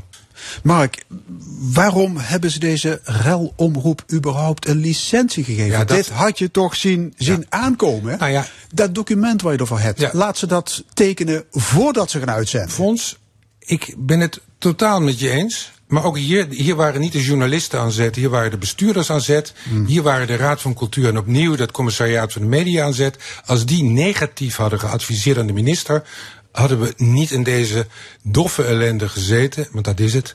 Uh, dus inderdaad, maar weet je, terugkijken heeft geen zin. Het, je moet je even terug naar de Europese Unie. Je moet je voorstellen, we hebben een land binnengehaald waar letterlijk geen land meer te bezuilen valt. Dan, Pakweg Hongarije. Nou, en ja, en dan, ja, en, en dan is Hongarije nog bijna een mild voorbeeld. okay. Nee, ja, goed, en, dan, en dan moet je wat. Ja. Dan moet je wat. Wat, wat. wat kan het gevaar zijn als zo'n omroep blijft uitzenden? Nou ja, kijk, op, op dit moment. Want het wachten is gewoon op de volgende rel, hè? Nou, en hoeveel mensen, k- eh, dan heb ik het toch bijvoorbeeld over mijn NOS-collega's, die erg, die worden bedreigd, hè? En eh, heel veel bestuurders waar ik het net over heb, dat zijn veel moedige mensen. Waarvan die worden zeg, bedreigd Die worden ook, ja, nou ja, Toch dat- niet dat bedreigd door me- medewerkers van Ongehoord Nederland? Nee, niet door, maar wel door eh, eh, mensen die daar hoogstwaarschijnlijk aan gerelateerd zijn. Want die bedreigingen waren er daarvoor niet. En dat, dat komt omdat Ongehoord Nederland het NOS-nieuws fake nieuws noemt, bijvoorbeeld. Ja. Ja, dat is bijvoorbeeld. Kijk, daar is sowieso meteen de link te leggen met de bedreiging van de cameraploegen. Zeker. Goed, wordt vervolgd. Eh Mark, nog iets anders. Het WK voetbal in Qatar. Ja. Dat begint volgende maand. Eh, wat mij opvalt is de gebrekkige aandacht in de media voor de keerzijde van dat toernooi. Hoe komt dat? Ja, dat valt me ook op. En daar zijn twee verklaringen voor. Eén die ik, die gewoon rechtstreeks kan geven. Dat, eh, ik, eh, ik ken eh, Hugo Borst goed, bekend voetbaljournalist. Die kan echt aan elke talkshowtafel aanschuiven wat hij wil. De- ze willen hem altijd hebben, omdat Hugo die, die praat nou eenmaal ontzettend leuk en bevlogen. Maar voor één ding, dat zegt hij me ook, daar, daar wordt hij nooit voor uitgenodigd. Ook al biedt hij zich aan, dat is het WK Qatar. Ja, Hugo's verklaring, en ik denk dat, dat die verklaring eh, klopt, is mensen ehm, vinden het een onderwerp dat, eh, nou ja, het WK in, in Qatar is toch een hele ellendige tijden, want daar leven we in, laten we daar eerlijk over zijn. Is het voor veel mensen net dat beetje lol en dat dreigt ze afgepakt te worden, psychologische verklaring. En aan de andere kant, dat heeft Hugo ook opgevangen. Dat nogal wat talkshows die hebben het gevoel dat ze dan door andere mensen uit de voetbalwereld geboycott worden als er te veel Qatar in komt. Dus men is Qatar moe. En ja, dat, eh, eh, dat vind ik. In ieder geval, ik, ik neem het ook waar en ik vind dat ernstig. Ja. Want dat, het, het, het WK komt er. En, En de eh, NPO gaat het uitzenden. de NPO Wat is de rol van de NPO, van de publieke omroep? Ja, nou ja, goed, ook, ook dat is natuurlijk dubbel. Eh, Je kan zeggen, dit had je ook nooit, eh, nooit moeten uitzenden. Want uiteindelijk, door het uitzenden, door die televisierechten, wordt zo'n toernooi groot. Kan dit bestaan? Door de reclameinkomsten. Nog dieper natuurlijk door alle kijkers wordt het groot. Maar ja, ze hebben ja gezegd en daar kan ik heel veel kritiek op hebben. Het enige voordeel, en dat is niet om de NPO goed te praten, maar wat ik wel wil meenemen. Ik weet dat de voetbaljournalisten van NPO, dat die ook heel kritisch naar de keerzijde kijken. Dat ze ook bij de openingsceremonie, daar gaan ze echt Amnesty en andere partijen aan tafel roepen. Ze hebben echt oog voor de andere kant. En ik weet niet als RTL dit had uitgezonden, of daar zoveel aandacht voor zou zijn geweest. Ja. Het is een het is schamel, het is misschien ook wel een schaamlab, maar dat wil ik wel erbij genoemd Ja, hebben. maar jij bent leidinggevende bij Human. Ja. Kan jouw omroep niet zorgen voor een kritisch, humanistisch tegengeluid? Ja, zijn we mee bezig. En, het, en ook dat, klein druppeltje op de gloeiende plaat. Letterlijk gloeiende plaat in Qatar. Maar eh, we, we gaan met deze Hugo Borst, die ik net noemde, en Clary Polak samen, die gaan een voetbalpodcast maken over alles rondom Qatar, en de kritische kant, de keerzijde. En die gaat eh, de titel krijgen, die vond ik wel leuk, het WK wegkijken. Het WK wegkijken. Oké, maar is, is dat geen ja, schaamlab? Ja, natuurlijk is dat podcast? De- natuurlijk. De, NPO profiteert van hoge kijkcijfers. En jullie mogen zorgen voor de kritische nood. Ah, Nou ja, kijk, eh, eh, als je het, ik, ik kan de kijker niet kwalijk nemen als die zo denkt. En daarom, het is het- hetzelfde met ongehoord. Ik word ook aangesproken op ongehoord, maar ik ben niet ongehoord. En ik ben ook niet die NPO die die voetbalwedstrijden uitzendt. Eh, dus van Human is het echt integer bedoeld. Wij willen echt dat tegengeluid laten horen. Maar dat het in de totaliteit echt heel weinig is. En in de ogen van de kijker een schaamlab. Ik begrijp dat heel goed. Maar je moet het toch blijven proberen. Wie kijkt, is schuldig. Zeker. Ja? Ja, nee, ja, ik, ik, ik, ik, en, en, en ik zal zelf ook kijken. Dus eh, ik, ik ga hier al eh, knielen en buigen. Eh, er zit een enorme dubbelheid in iedereen. En die moet je ook onder ogen zien. Eh, maar wie kijkt is schuldig, ja. ja. Mark Jos, de media-analyst van de Stemming. Hartelijk dank. En straks in de stemming paniek op veel universiteiten door de onstuitbare instroom van buitenlandse studenten. Verder de het discussiepanel. We zijn bij Fortuna Volendam en nog veel meer. Blijf luisteren, tot zo meteen.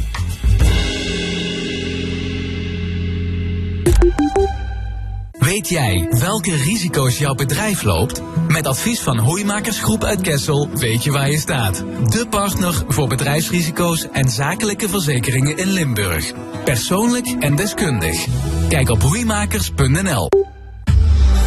Renault. Hou je van zekerheid? Kom dan nu naar de Renault e-tech Hybrid Days en profiteer van onze zeven zekerheden. Zo ben je zeker dat de prijs vaststaat, zeker van drie jaar gratis onderhoud en garantie, zeker dat je bespaart op je brandstofkosten en zeker dat je nog dit jaar rijdt. Kies nu voor een van de extra zuinige Renault e-tech hybrid modellen. Ga naar Renault.nl. Hoeimakersgroep. Al 40 jaar een begrip in verzekeringen en risicoadvies. Zit je in een rolstoel of scootmobiel en wil je erop uit? Huur dan een zonnebloemauto. Een dagje strand of op bezoek bij familie? Met de zonnebloemauto kom je er. Onze nieuwe keuken is de ontmoetingsplek voor de hele familie. Ideeën waren er volop op mhkkeukenexpert.nl. En vervolgens heeft MHK Keukenexpert aards, keukens en badkamers uit Born alles tot in de puntjes gerealiseerd. Gaaf hè? MHK Keukenexpert ontwerpt en realiseert de keuken van je dromen. De zonnebloemauto is ook te huur in Maastricht en Geleen. Kijk op zonnebloem.nl. Kom naar het grootste kampeerfeest van Nederland. Ontdek de nieuwste kampeermiddelen en accessoires. En geniet van lekker eten en live muziek op kampeer- en caravanjaarbeurs. Van woensdag 5 tot en met zondag 9 oktober in Utrecht. Bestel nu je tickets met korting op kampeer- en caravanjaarbeurs.nl. Dit is L1 met het nieuws van 12 uur. Clemens Peters met het NOS-journaal. De atoomwaakhond IAEA heeft Rusland opgeroepen om de directeur van de kerncentrale van Zaporizhia vrij te laten. Igor Murashov werd vrijdag door een Russische patrouille gevangen genomen. De gevangenneming is volgens topman Grossi een bedreiging voor de veiligheid. De kerncentrale bij Zaporizhia is in Russische handen, maar draait met Oekraïns personeel. Grossi spreekt naar verwachting komende week in Moskou en Kiev over het creëren van een veiligheidszone rond de kerncentrale. Vandaag werden opnieuw explosies gehoord in de buurt van de kerncentrale. Op het Indonesische eiland Java zijn zeker 174 mensen omgekomen bij rellen na een voetbalwedstrijd. De meeste slachtoffers vielen toen paniek ontstond nadat de oproerpolitie traangas had gebruikt in het stadion. Dat gebeurde toen supporters na afloop van de wedstrijd in Malang het veld bestormden uit boosheid over het verlies van hun team. De autoriteiten verwachten dat het dodental nog verder zal oplopen, omdat er nog veel zwaar gewonde mensen in het ziekenhuis liggen. Het is nu al een van de grootste voetbalrampen uit de geschiedenis. Een dode vinvis die de afgelopen dagen voor de Belgische kust dreef... is aangespoeld in het Zeeuwse Westkapelle. Het dier werd er vanochtend ontdekt. De dode vis van zo'n 20 meter lang werd eergisteren gespot bij het Belgische Nieuwpoort. Omdat het een potentieel risico zou vormen voor schepen werd het dier gevolgd. Maar op een gegeven moment verloren de volgers de vinvis in het slechte weer uit het oog. Rond het dode dier wordt nu een afzetting geplaatst. Onduidelijk is nog of de vinvis onderzocht gaat worden. De storing in het bagagesysteem op Eindhoven Airport was vanochtend om 7 uur voorbij. De storing leidde gisteren tot ongemak voor vertrekkende en aankomende passagiers. Op Twitter omschreven sommige reizigers de situatie als een puinhoop. Passagiers moesten bijvoorbeeld lang in het vliegtuig blijven wachten voordat ze hun toestel konden verlaten. Eindhoven Airport verwacht dat alle vluchten vandaag gewoon door kunnen gaan. Het weer. Buien trekken oostwaarts over het land. Vanmiddag wordt het zo goed als droog met vanuit het noordwesten meer zon. Het wordt 15 tot 18 graden. Morgen rustig en overal droog en dan wordt het 16 tot 19 graden. Dit was het NOS Journaal.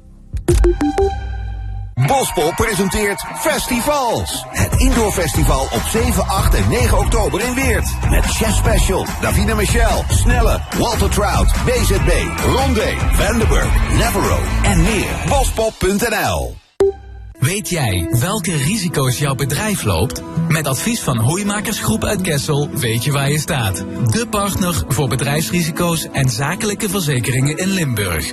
Persoonlijk en deskundig. Kijk op hoeimakers.nl. Bekijk 2021 door de ogen van de beste Nederlandse nieuwsfotografen. Bezoek de fototentoonstelling Zilveren Camera. Van politiek en sport tot kunst en natuur. Tot en met 16 oktober in het Limburgs Museum in Venlo. Hoeimakersgroep. Al 40 jaar een begrip in verzekeringen en risicoadvies. Stap binnen in een wereld vol modisch vermaak. Met ruim 800 merken, een gratis vermaakservice en personal shoppers die jouw outfit net zo onvergetelijk maken als je dag. Vermaak je bij Van Tilburg of op vantilburgonline.nl. 10 oktober gaat er iets heel bijzonders gebeuren. Dan valt namelijk de megajackpot van 25,7 miljoen euro netto. En hij valt zeker Koop je staatslot daarom snel in de winkel of op staatsloterij.nl. Doen hè, de tiende kan het gebeuren. Staatsloterij. De spel van Nederlandse Loterij. Speel bewust 18+. Plus. Heerlijk, weer op vakantie. Eén keer je koffer uitpakken en toch meerdere bestemmingen zien. Culinair genieten, top entertainment of gewoon relaxen. Dat kan allemaal met een cruise van Holland-Amerika-lijn. Profiteer nu van onze flexibele voorwaarden. Iemand jarig? Verstuur je feestelijke felicitatiekaart met de handige Kaartje To Go app. Waar en wanneer je maar wilt. Download hem nu. En als je nieuw bent bij Kaartje To Go, is je eerste kaartje gratis. Kaartje To Go, de leukste kaarten, maak je zo. Boek nu met Holland-Amerika-lijn een 2023 North of Fjord Cruise. Met vertrek vanuit Nederland en nu tijdelijk inclusief veel extra's. Ontdek meer op hollandamerika.com. Die ga jij verrassen met een verjaardagskaart van Kaartje To Go? Stuur je eerste kaartje gratis. Groenselfly, Keersenfly of Promenfly. Geniet van de Week van de Fly, 15 tot en met 21 oktober. Ook bij uw ambachtelijke bakker. De Week van de Fly wordt georganiseerd door de Limburgse ambachtelijke bakkers en de bakkersopleidingen. Hey, heb jij hem al? De vernieuwde gratis 1 Limburg app. Met 100% Limburgs nieuws. Altijd actueel. Download hem nu. Dit is de zondag van L1.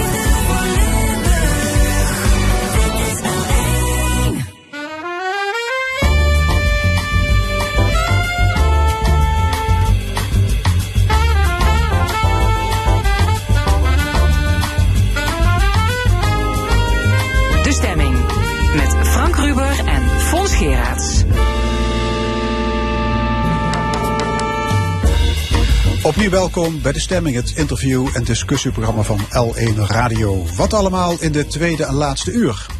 Straks discussieert het discussiepanel over het vertrek van brand uit Limburg en andere actuele zaken. Er is een column van Nina Bokke, flitsen van de voetbalwedstrijd Fortuna Volendam. Maar eerst de groei, de forse groei van onze universiteiten. De instroom van studenten is zo groot dat veel universiteiten in de problemen komen. De toename komt vooral op het konto van buitenlandse studenten. Hun aantal groeit als kool. Bij de Universiteit Maastricht bijvoorbeeld is 60% van de studenten uit het buitenland afkomstig. Sommige universiteiten denken aan een quotum. Hoe is het zover kunnen komen? Aan tafel Annette de Groot, emeritus hoogleraar taalpsychologie. Mevrouw de Groot, welkom. U maakt zich al jaren druk over dit uh, onderwerp. Hè. U schrijft aan de lopende band kritische opiniestukken. Waarom gaat het u zo aan het hart? Ja, mag ik u vertellen waarmee het bij mij begonnen is? Het heeft alles te maken met uh, het feit dat ik onderzoeker ben van meertaligheid en dat ik weet dat het Engels van onze universitaire populatie, studenten en docenten, aanzienlijk, uh, een aanzienlijk lager niveau heeft dan het Nederlands.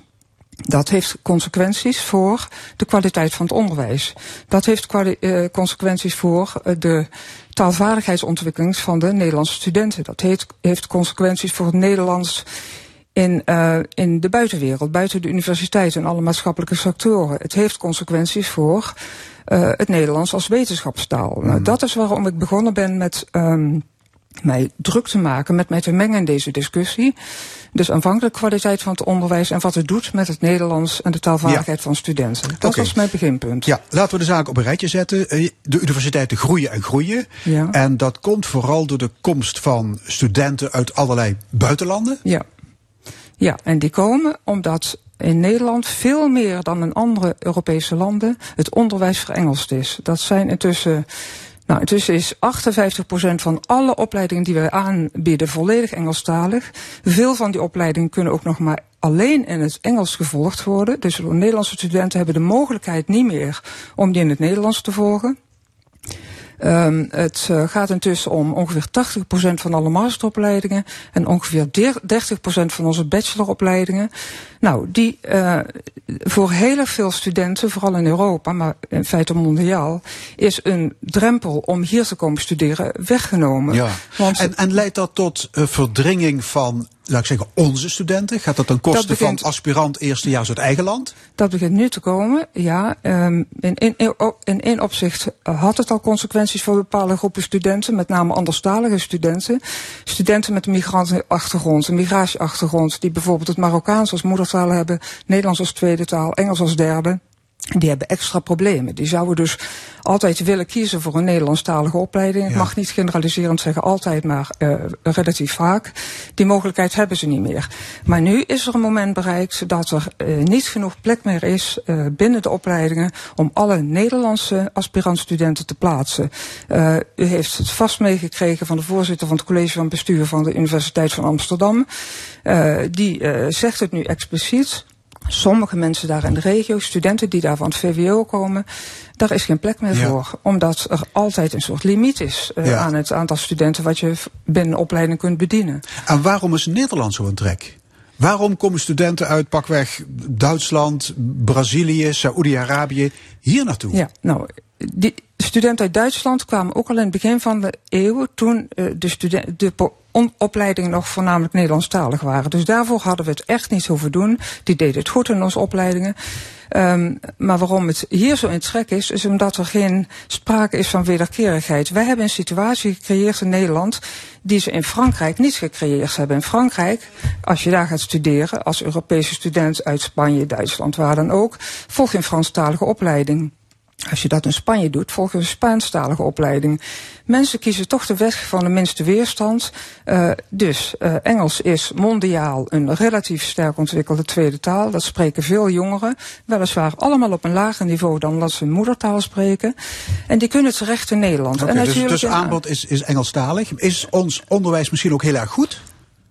Ons, ja, ons onderwijs is. Nou, dat laatste wil ik meteen op ingaan. Nee, niet meteen. Ons onderwijs was altijd, is nog altijd relatief goed. Staat goed bekend. Ook al aan het begin van de eeuw, toen onze onderwijsprogramma's Nederlandstalig waren. Uh, dus dat is een uh, factor waardoor ze aangetrokken worden.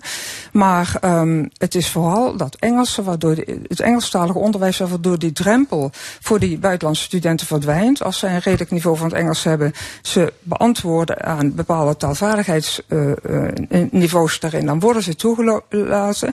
En over dat goedkope, ja, want alle studenten binnen de Europese Unie. Die hebben het recht om in een ander Europees land tegen enkel het collegegeld, dat is om en nabij 2000 euro, excuses, Ja, neem even een slokje, slokje water. een opleiding te volgen. Die opleidingen kosten overigens geen 2000 euro, die kost, die kost de staat 10.000 euro per jaar per student.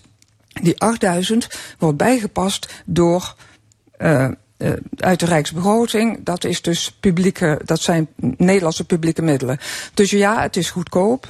Ja, maar, maar u zegt ook dat het financieringsstelsel van ons dat deugt Het niet. deugt niet, de universiteiten de- die krijgen rijksgeld naar rato van het aantal studenten en het aantal diploma's. Maar het totale budget blijft hetzelfde. Klopt. Dus dan krijg je onderlinge concurrentie in plaats Klopt. van samenwerking. We Dat is een, beetje eh, het grote we- probleem. Hè? We hebben een bekostigingsstelsel wat inderdaad, uh, en het is een verdeelmodel wat onze universiteiten tot concurrenten van elkaar dwingt.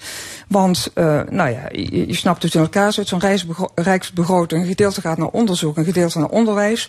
72% van het budget dat naar onderwijs gaat, wordt bepaald door, dat is studentgebonden. En dat wordt bepaald door de factoren die u noemt. Aantal studenten, diploma's die worden uitgeschreven.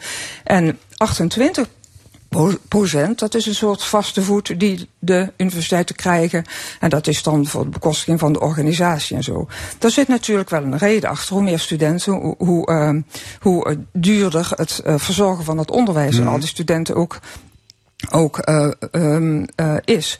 Maar het is, dit is helemaal onbeheersbaar geworden, omdat die aantallen studenten zo verschrikkelijk groot aan te worden zijn. Dus die- dat financieringsstelsel, dat, dat, Dat- deugt dat niet deugt structureel. dat daar, zitten, daar zitten perverse prikkels in. Dat is wat zelfs erkend wordt, werd een paar jaar geleden in een commissie. Uh, onder voorzitterschap van Van Rijn, die Martin van Rijn, die voorheen ook uh, staatssecretaris is geweest een tijdje. Ja. Die uh, was voorzitter van de commissie bekostiging hoger onderwijs en hoger onderzoek. En die moest om de rampspoed te keren uh, op korte termijn met een ander model komen. En dat heeft hij ook gedaan. Die heeft uh, die verhouding die ik net noemde, 72-28, die heeft hij omgekeerd naar 60-40. Maar dan is hij nog scheef. En omdat het echt duizenden. Ik bedoel, we hebben er momenteel in Nederland op de universiteit alleen al 80.000 buitenlandse studenten. Het is dat, al dat is een kleine stad? Dus dat, nou, dat is inderdaad een uh, kleine stad. Dat zijn straten, dat zijn hele wijken, dat is een kleine stad. Dat zijn kamers waar, waar, waar niet tegenop gebouwd kan worden. Dat zijn huurprijzen die dan berekend worden, die niemand meer kan opbrengen. Dat is verdringing van Nederlandse jongeren op de kamermarkt, langer bij de oude, uh, hun ouders moeten wonen. Dat, en dat is maar één van de consequenties die hieraan uh, kleeft. Maar um, uh, ja, die, dat bekostigingsstelsel is uiteindelijk de grote boosdoener. Want wat er toen gebeurd is, en dat is waarom ik dus uiteindelijk in stelling gekomen ben. Um, toen dachten ze, hé, hey, waar halen we die van, van, dan vandaan, die studenten? Want in Nederland was de visvijver, de kweekvijver, was leeg. Toen dachten ze aan dat hele grote mondiale achterland. Er ja, en dus veel... ga je volledig Engelstalige en, opleidingen ja, aanbieden. En, dan en dat werkt als een soort magneet, magneetwerking dat eigenlijk. heeft als een magneet Ja. gewerkt. En dat is vervolgens via mond-op-mond eh, reclame. Dus het wordt elk jaar ook ernstiger. Want als er nu vier zijn, zijn er dan 16, zijn er dan 32. Dat is net als bij COVID, zo'n exponentiële groei. Dat is inderdaad onbeheersbaar. Ja, mevrouw de Groot, dus er één universiteit die niet meedoet aan die klaagzang, namelijk Maastricht University. Hè, hier staat internatio- internationalisering hoog in het vaandel. De, de, de UM heeft bewust gekozen voor een internationaal profiel. Bestuursvoorzitter Rianne Letchert die zegt dat zit in ons DNA. Wat vindt u daarvan? Internationaliseren is niet voor Engelsen. De vorm die ze gekozen hebben is werkelijk een totaal, een ongelooflijk eenzijdige vorm. Het idee is. int- Internationaliseren, daar hebben ze bijna gelijk. En, en voor Engels hebben ze bijna gelijkteken tussen gezet. Hè? Want dan krijg je een international classroom. Allerlei studenten van allerlei uh, origine bij elkaar. En dat brengt allerlei verschillende perspectieven. Natuurlijk, elk land, eigen cultuur, elke taal, eigen cultuur. Je krijgt allemaal verschillende perspectieven in dat onderwijs. En dat vergroot uh, diversiteit en diversiteit. Nou, dat is dat internationale karakter. Maar er zijn andere vormen van internationaliseren. Ik ken niemand die de mijn zorgen deelt. En niet alleen die van mij over wat er aan het gebeuren is. Die niet voor internationaliseren is. Dus ik vind het echt een valse beschuldiging. Nou ja, Letcher zegt, een land als Nederland kan het zich niet veroorloven om zich de- te verschansen achter, de beroemde de- dijken. Wij- De grote problemen kun je alleen maar Europees en wereldwijd Mee oplossen. eens, mee eens, mee eens. Alleen is het een vorm van internationaliseren die zo ongelooflijk kortzichtig eh, Weet je wat er gebeurt? Het, het wordt niet wijzer, diverser van uh, opvattingen, meer uh, opvattingen die allemaal ingebracht kunnen worden. Het wordt allemaal in één en dezelfde mal. Uh, e- het wordt een eenheidsworst. Al dat onderwijs wordt in die anglo-saxische mal gedrukt. De gedachtenwerelden die er in de Duitse wetenschap bestaan, in de Franse wetenschap bestaan, in de Nederlandse. We hebben 400 eeuwen Nederlandse uh, wetenschap in de Nederlandse taal. Het wordt allemaal Want het Nederlands is ook een wetenschapstaal, zegt u. is, en, ja, en het cultuurtaal. Duits en het Frans, een cultuurtaal en een wetenschapstaal. Ja. En die worden allemaal, allemaal, allemaal uitgefaseerd in dit proces. Het, het, onder het mom van cosmopolitisme, het mom van internationalisering, worden we provincialer. Dus ik, ik, het, het is, is een, zo, een drogreden. Het is een drogreden. Het is zo fout te denken dat dit is hoe je moet internationaliseren. Wij willen niet achter de dijken. Ik ken niemand in mijn kamp, zeg maar, die tegen internationaliseren is, die tegen vrije verkeer van, uh, van, uh, van personen, uh, personen in Europa is. sterker nog, haal ze binnen. Zorg dan dat ze, maar zo, laat ze voordat ze komen Nederlands leren, zoals het twee decennia geleden was. Want dan integreren ze ook veel beter in de samenleving. mevrouw Letchert wil ze toch houden? Die burgemeesters hier in de regio ja, willen die want mensen als toch ik in houden? Spanje zou willen gaan Laat studeren, moet ik, ook, moet ik ook het Spaans leren. Ja, precies. Maar dat is de perfecte vorm van internationaliseren. De mooie internationale ervaring is als ik naar buitenland kan gaan als student, naar de Sorbonne of misschien ook een minder prestigieuze universiteit, in het Frans, ingedom, ondergedompeld in die cultuur. Dat is een internationale ervaring. Maar hier, in die prietpraat, want het, wat er blijkt ook nog, de International Classroom, die functioneert helemaal niet, want de Chinezen gaan bij de Chinezen zitten. De uh, uh, Duitsers trekken ja. met elkaar op. De, het functioneert voor geen meter. En daarom ben ik ook zo boos als alsmaar de suggestie wekken dat mensen zoals ik, die zorg hebben over dat onderwijs, dat dat een totale. Ik, ik eclips, hoe heet dat woord? Uh, apocalyptische eclips, geloof ja, ik. ondergangsdenken. Uh, Dat, ja. dat, maar mevrouw de Groot, er stond een opiniestuk van vijf Limburgse burgemeesters in de Ja. Volkskrant. En uh, daarin trekken ze van leer tegen een mogelijk quotum. Ze noemen dat een bedenkelijke vorm van nationalisme die je vanuit de academische wereld niet zou verwachten. Wat vindt u daarvan? Nee, maar dat is hetzelfde punt als Letchert. Want dat zit, dat zit voortdurend in die opmerkingen tegen internationaliseren. We worden geassocieerd met Forum voor Democratie, met, met uh, nou, dat soort uh, kampen.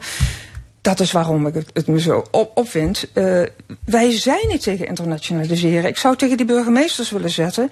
Zet selectiever in. Uh, bied vooral het Duits en het, in deze regio Duits en het Frans aan. Zet selectiever in op die werving van studenten. Leer ze Nederlands voordat ze hier. Laat ze zorgen dat ze Nederlands leren voordat ze hier komen. Dan integreren ze en zijn ze in juli hier deze provincie, deze prachtige provincie, die meerwaarde voor ook de economische meerwaarde. Wat overigens de burgemeesters in het artikel ook niet deden, is berekenen wat het de Nederlandse samenleving kost. Hè. Dus wel uh, uitrekenen hoeveel het hen oplevert als ze zoveel start-ups en noem allemaal op. Het was helemaal natuurlijk economisch getoonzet. Nee, die 14. 15.000 studenten, die er, buitenlandse studenten, die er nu aan de Universiteit Maastricht zijn. Ik heb een rekensommetje opgemaakt. Kosten de hele samenleving 90 miljoen euro. Tel er, trek er dat even af. Trek er ook even vanaf al die nadelige consequenties. Dat, uh, dat uh, wij hier in Nederland uh, Nederlandse taalvaardigheid aan het verliezen zijn. Dat ja, wij, dus kamer, zijn, kamernoot. de kamernoot. De, de, de, ja, ik had hier een lijstje. Ik, ja. Zijn, nee, maar ik, ik geloof het wel. Het, het, maar, maar u zegt die, die verengelsing, dat is een dat is een ongewenste uh, bijvangst. Uh, daar komt bij dat het, ja, gros. Het is geen bijvangst, het is de oorzaak bijna. De oorzaak is de financiering en die is ingevuld met verengelsing. En daar had het niet mee moeten beginnen. Ja, uh, en u zegt eh, studenten en ook docenten die beheersen het Engels eigenlijk tamelijk gebrekkig.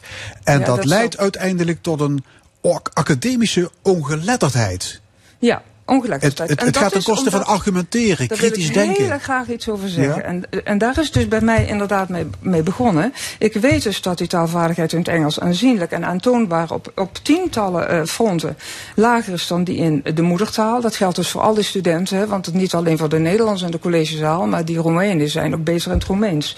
Ja, er het schijnt zelfs dat je, denkt, dat je denkvermogen erop achteruit gaat zelfs. Ja, want er is een hele duidelijke relatie tussen taalvermogen en academische geletterdheid met het academisch presteren. Dus succes in het hoger onderwijs. Want in het hoger onderwijs moet je kritisch denken. Kun je minder als je taalvaardigheid minder ontwikkeld is. Analyseren, redeneren, argumenteren. En die, die factoren bij elkaar, dat wordt een academische geletterdheid genoemd. Dus dat speelt allemaal een rol uh, in, in het, uh, het academisch, uh, een hoog academisch denkniveau te bereiken. En dat wordt allemaal belemmerd als je het moet, moet doen, doen met je zwakkere taal in het onderwijs. Leidt dat op den duur tot mindere, mindere vitaliteit van het Nederlands? Ja, dat is. Tuurlijk. Het Nederlands zou. Het Nederlands heeft een hoger niveau, het taal als systeem, dan wat studenten die van de middelbare school komen uh, meebrengen aan de universiteit. En daar stopt het dan. Terwijl het, de wet schrijft het zelf voor. Hè. De universiteiten zijn verplicht om de taalvaardigheid, de Nederlandse taalvaardigheid van de studenten te verhogen vanuit het idee dat je aan het eind van de rit gaan al die mensen echt hoor, 95% komt te werken op de Nederlandse arbeidsmarkt. Dus een sprookje dat dat gepresenteerd wordt, ze gaan allemaal naar het buitenland. Dus die komen allemaal terecht op die Nederlandse arbeidsmarkt, in de rechtspraak, in de journalistiek, in de gezondheidszorg, in het onderwijs. Ja, en daar, in en daar wordt gewoon Nederlands gesproken, met zegt u. Een, daar wordt Nederlands Ja. gesproken. En je kunt, functioneert in zo'n sector natuurlijk beter naarmate je dat, eh, die taal beter beheerst. En dat eindniveau is van al die studenten lager dan het had kunnen zijn. En dat weten we gewoon. Ja, dat, helder. Wat, wat is uw oplossing voor het probleem? Nou ja, Want volgens zijn- de wet mag je geen studenten uit het buitenland Jawel, weigeren. dat mag je dus wel. En universiteiten kunnen iets- doen en ook de regering kan ook iets doen. Er zijn drie oplossingen en ze moeten vooral gelijktijdig alle drie ingezet worden. Anders komt die totale ineenstorting door. Dit is misschien te, eh, te sterk uitgedrukt. Maar we weten allemaal dat het heel snel bergafwaarts gaat. De eerste is een hele simpele. De wet, gebeurt vaak in Nederland, handhaaf de wet. Er staat echt in de wet op het Nederlands hoger onderwijs dat uh, dat onderwijs verplicht is de taalvaardigheid van de uh, studenten op een hoger plan te tillen. En er staat zelfs letterlijk alle onderwijs en uh, het, onderwijs wordt afgenomen in het Nederlands. De examens worden afgenomen in het Nederlands. Ja, dat staat, tenzij, dat staat gewoon dat in de staat wet. er gewoon in de wet. Ja. Tenzij, en er zijn er een paar uitnodigingen. Oké, okay, even gezien de tijd noemen we even die andere twee ja, punten die andere nog. twee. Dat is die aanpassing van dat financieringssysteem. waarvan ik net al gezegd heb. Dat heeft die commissie van Rijn al geprobeerd te doen. Die heeft er 72, uh, 60, 40 van gemaakt maak er 50, 50 of zelfs 60, 40. De maak die vaste voet gewoon. Ik geef de Universiteit van Maastricht gewoon een hele grote vaste voet. Ja, helder. Punt 3. En punt 3 is, dan moet ik heel goed denken, wat, ja, en dat kunnen universiteiten meteen doen. Meteen weer een aantal van die opleidingen. Want het zit ook nog vaak in sectoren waar we die studenten helemaal niet, uh, universitair opgeleiden niet nodig hebben. Een paar van die opleidingen gewoon weer voor Nederlands. En dat zet ik tussen aanhalingstekens, want die Nederlandse opleidingen waren al altijd in Nederland voor 50% Engelstalig. Al die boeken waren Engelstalig. Er waren altijd wel wat Engelstalige docenten. Maar uh, voor Nederlandse, en de consequentie is dat een buitenlandse student dan niet meer zich kan inschrijven, tenzij die de moeite neemt om Nederlands te leren voor die er naartoe komt. En dan mag je meedoen en dan is je hartelijk welkom. Want dat soort mensen hebben Nederland nodig, want die integreren in onze samenleving. En, en, en doe dit vooral in sectoren waar we die studenten niet nodig hebben. Communicatiewetenschap, psycholo psychologie, politicologie. We hebben er veel te veel van. Zet ze op techniek en nog een aantal vakken. Mag ik u hartelijk danken voor dit gesprek. Annette de Groot, emeritus hoogleraar experimentele taalpsychologie. Dank u wel.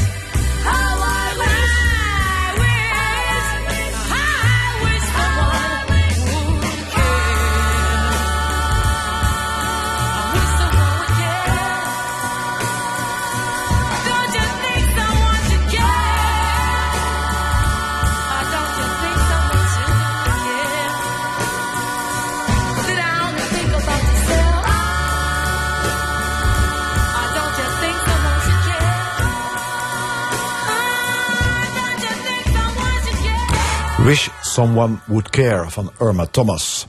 En dan voetbal in de stemming. Fortuna Sittard speelt vanmiddag tegen FC Volendam. De nummer eh, 16 tegen de nummer 15. En wij volgen de wedstrijd. In Sittard zit voor ons Falco Kremers. Falco, is er al gescoord? Goedemiddag collega's. Net nog niet gescoord. We zitten in de negende minuut van de wedstrijd hier in Zittert. Hoe het uh, Zunke langzaam begint door te breken. Kortom, fijne omstandigheden. Verhopelijk een interessante wedstrijd tussen Fortuna dat op de 17e plek staat met pas 4 punten. En Volendam dat 15e staat en één puntje meerheid. Ik geef de opstelling wel even voor de volledigheid. Ivor Pandoer, dat is de keeper. Achterin, daar zijn gaat wijzigingen. Pinto is de rechtsback. Centraal achterin staat Rodrigo Goed met Simo Navarro, de Spanjaard. Die zijn basisdebuut maakt. En dat komt omdat uh, Sio Geblesseerd is. En op linksachter daar speelt George Cox. Mats dat pakte rood in de vorige toetswedstrijd van Fortuna tegen Excelsior. De Fortuna wist te winnen. Daardoor is hij geschorst. En dat betekent dat er op middenveld plek is voor Ugozun Ushakoub. Ook hij staat voor het eerst in de basis. En de andere middenvelders dat zijn Derwi Duarte en Arianit Ferrati. Voorin ook één wijziging, want Moslin is er niet. Eh, althans, hij zit op de bank. En voor hem speelt de Portugees Umaro en Balo. Boak Yilmaz, dat is uiteraard de spits. En aan de linkerkant speelt Indigo Cordoba. Leuke openingsfase hebben we tot nu toe gezien. Waarin Fortuna het meeste de bal heeft. Maar echte uitgespeelde kansen, die zijn er nou binnen 10 minuten spelen in Zittert nog niet geweest. En dus 0-0 in deze kelderkraker hier in Zittert. Ja, we blijven de match Fortuna Volendam volgen in de stemming tot 1 uur. En dan nemen de collega's van de sport het over. Zometeen het discussiepanel. Nu eerst de column. De column. Vandaag met Nina Bokken. Ik liep gisteren door de stad toen plots een oude geur mijn neus binnendrong. Een zoete lucht die uit een shisha-lounge kwam, maar mij terugvoerde naar de vroegere snoepwinkel op de hoek van de straat waar ik opgroeide. Eigenlijk was het geen snoepwinkel, het was in eerste instantie een tabakzaak. Zo rook het er ook. Tabak vermengd met snoepgeur. Achter de toonbank stond tante Annie. Een magere dame van in de 60 met spierwit haar. Ik was altijd een beetje bang van haar, want ze was behoorlijk pinnig en ze had een stem als die van Barry White.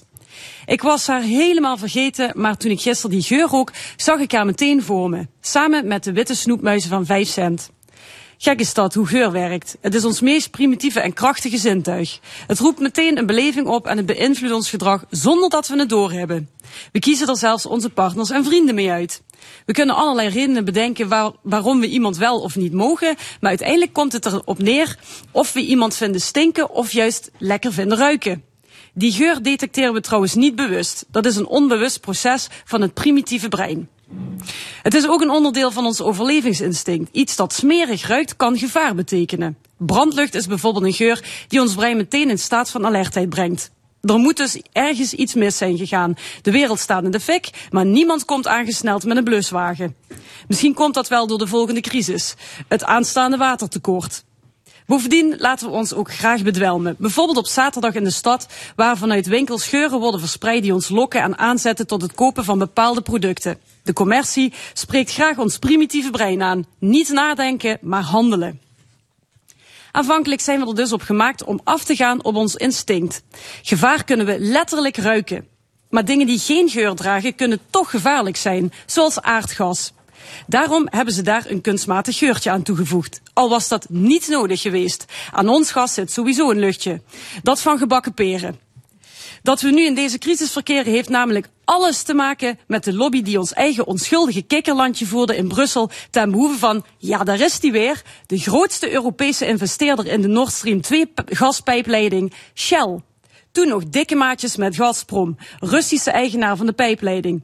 Al voor de bouw van de Nord Stream 2 roken ze in Brussel, maar ook in de Tweede Kamer onraad. Want de monopoliepositie van Gazprom zou leiden tot een geopolitieke voet aan de Europese grond voor Rusland. En stel, je verwacht het niet, maar stel, er zou ooit een conflict of crisis ontstaan, dan zou die Nord Stream in de toekomst toch wel eens voor problemen kunnen zorgen. Wiebes en Kaag hielden de Kamer destijds voor dat Nederland in Brussel zou pleiten voor strenge regelgeving waar Gazprom zich aan zou moeten houden. En de EU zou grote zeggenschap krijgen. Maar daarmee namen ze hun collega's flink bij de neus. Want in plaats daarvan werd onder invloed van de Nederlandse afgevaardigden stiekem de weg voor het paard van Troje en dan meer winst voor Shell vrijgemaakt. En de aanleg van die weg werd mede door acht Nederlandse bedrijven gerealiseerd. Op de hoek van die straat in Geleen waar ik opgroeide ligt de winkel van tante Annie niet meer. Ironisch genoeg zit er nu een tandarts. Of het een met het ander te maken heeft, ik weet het niet. Maar de winkel van vroeger, die rook tegen beter weten in veiliger dan die van de tandarts. We laten ons nu eenmaal graag bedwelmen.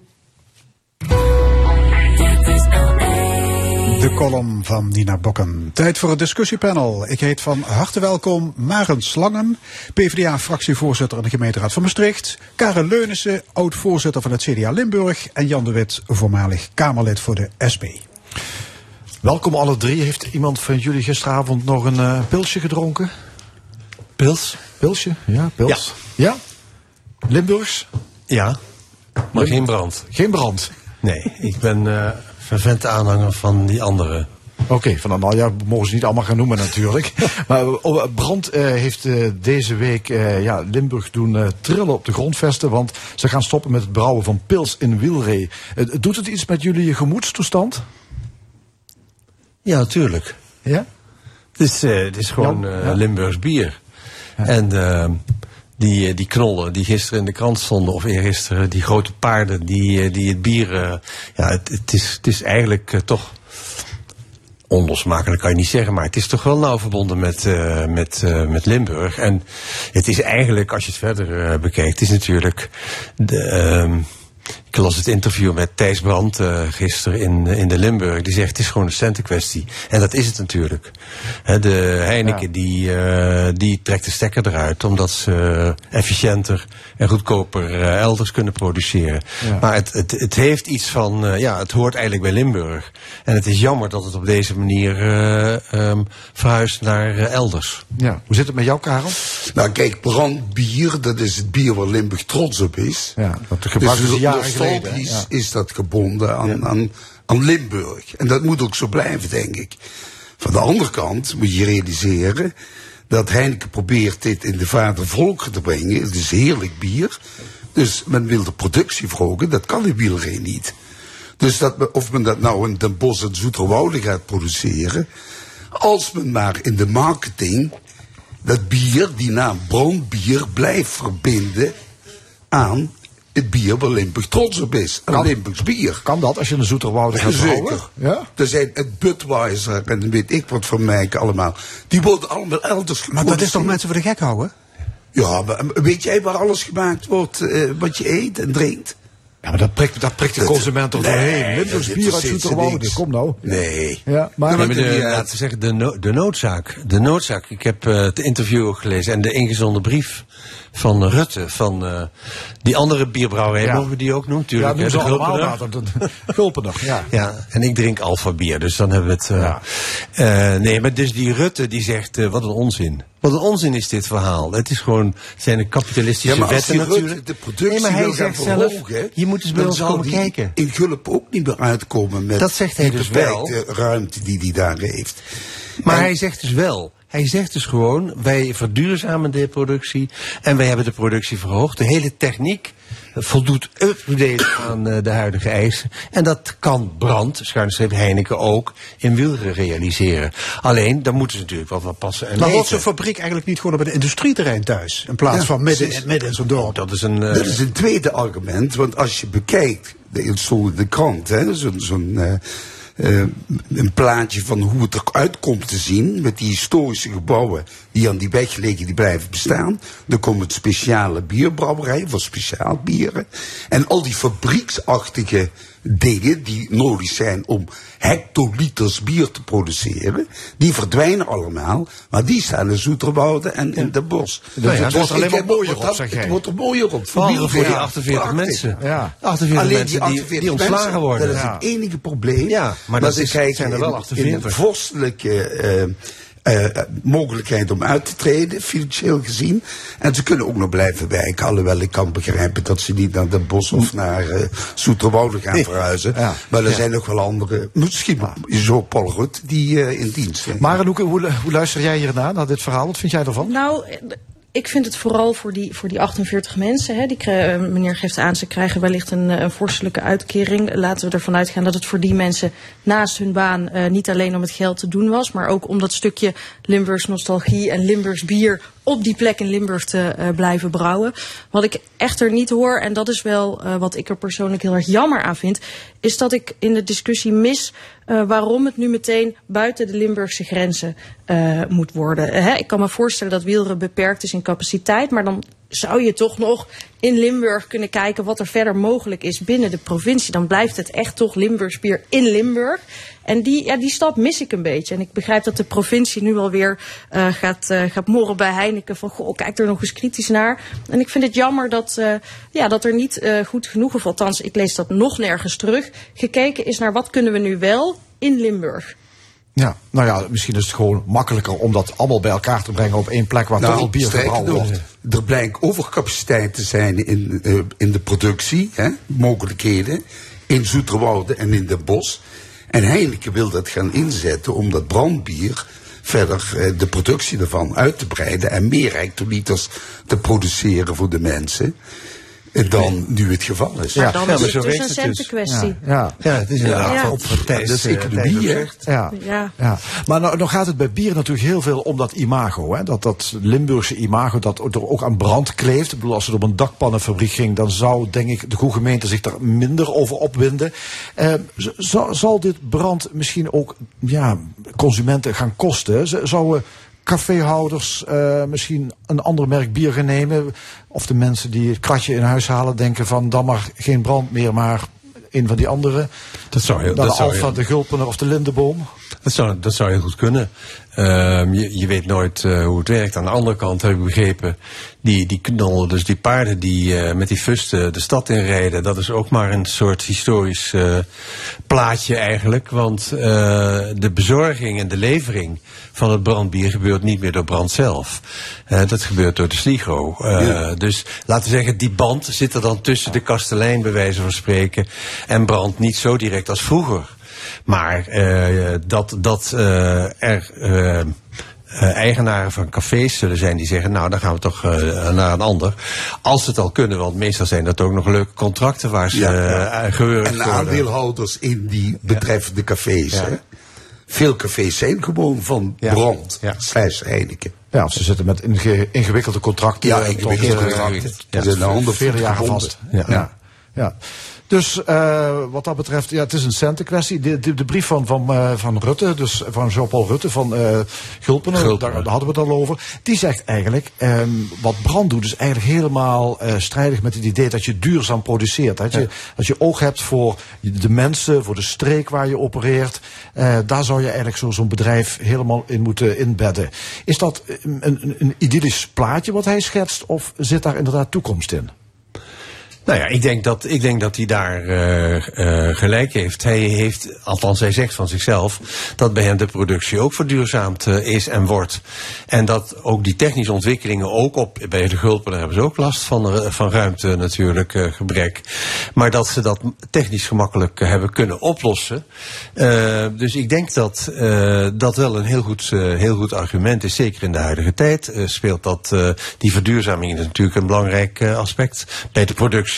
En maar eh, goed, ik, ik ben het eh, eens met Maren dat je, eh, dat je toch vooral dan zou moeten kijken. Moet het dan per se meteen naar Den Bosch of naar eh Zoeterwoude? En kunnen we dat niet beter hier in de regio houden? Het is hetzelfde discussie als met, eh, zeg maar met, eh, op een grote schaal eh, Shell, eh, die er tussenuit trekt, Unilever die er tussenuit trekt, DSM die van Heerlen naar Maastricht verhuist, omdat ze uit eh efficiency overweging of hoe je het ook wil noemen, eh, imago, daar, de, zeg maar, daar een vestiging Maar laten. En, wel en, en binnen vijf jaar is Gulpener ook opgekocht. Dat zou ook, Dat nog kunnen. zou ook nog kunnen, ja. En laten we wel wezen, het is niet alleen maar het, het positieve van het hebben van zo'n bierbrouwerij in Wielree. Hè. Daar v- rijden ook de grote vrachtauto's door die kleine straatjes heen. Het ruikt er vaak zuur, hè, naar de het brabben van bier. Ik denk niet dat alle Wielree mensen die daar wonen, allemaal even zo ongelukkig zijn met het vertrek van die bierbrouwerij. Dat weet ik niet. En hebben we het nog niet over de teelt van hop? Want dat Ja. gebeurt daar ook eh, Ik, eh, in, die in die regio. Ja. Eh, dus dan moet de hop van hier naar Den Bosch hoppen. Goed, we hoppen naar, naar, naar China. Want de invloed van China neemt onrustbarende vormen aan. Althans, dat is de waarschuwing van de AIVD. Er worden steeds meer bedrijven opgekocht, vooral in de informatica, technologie, infrastructuur, branche. Ook Limburg is een trek bij de Chinezen. Meer dan 30 bedrijven in deze provincie zijn in handen van China. Uh, Marend Slange, bedreigt dit onze economische veiligheid?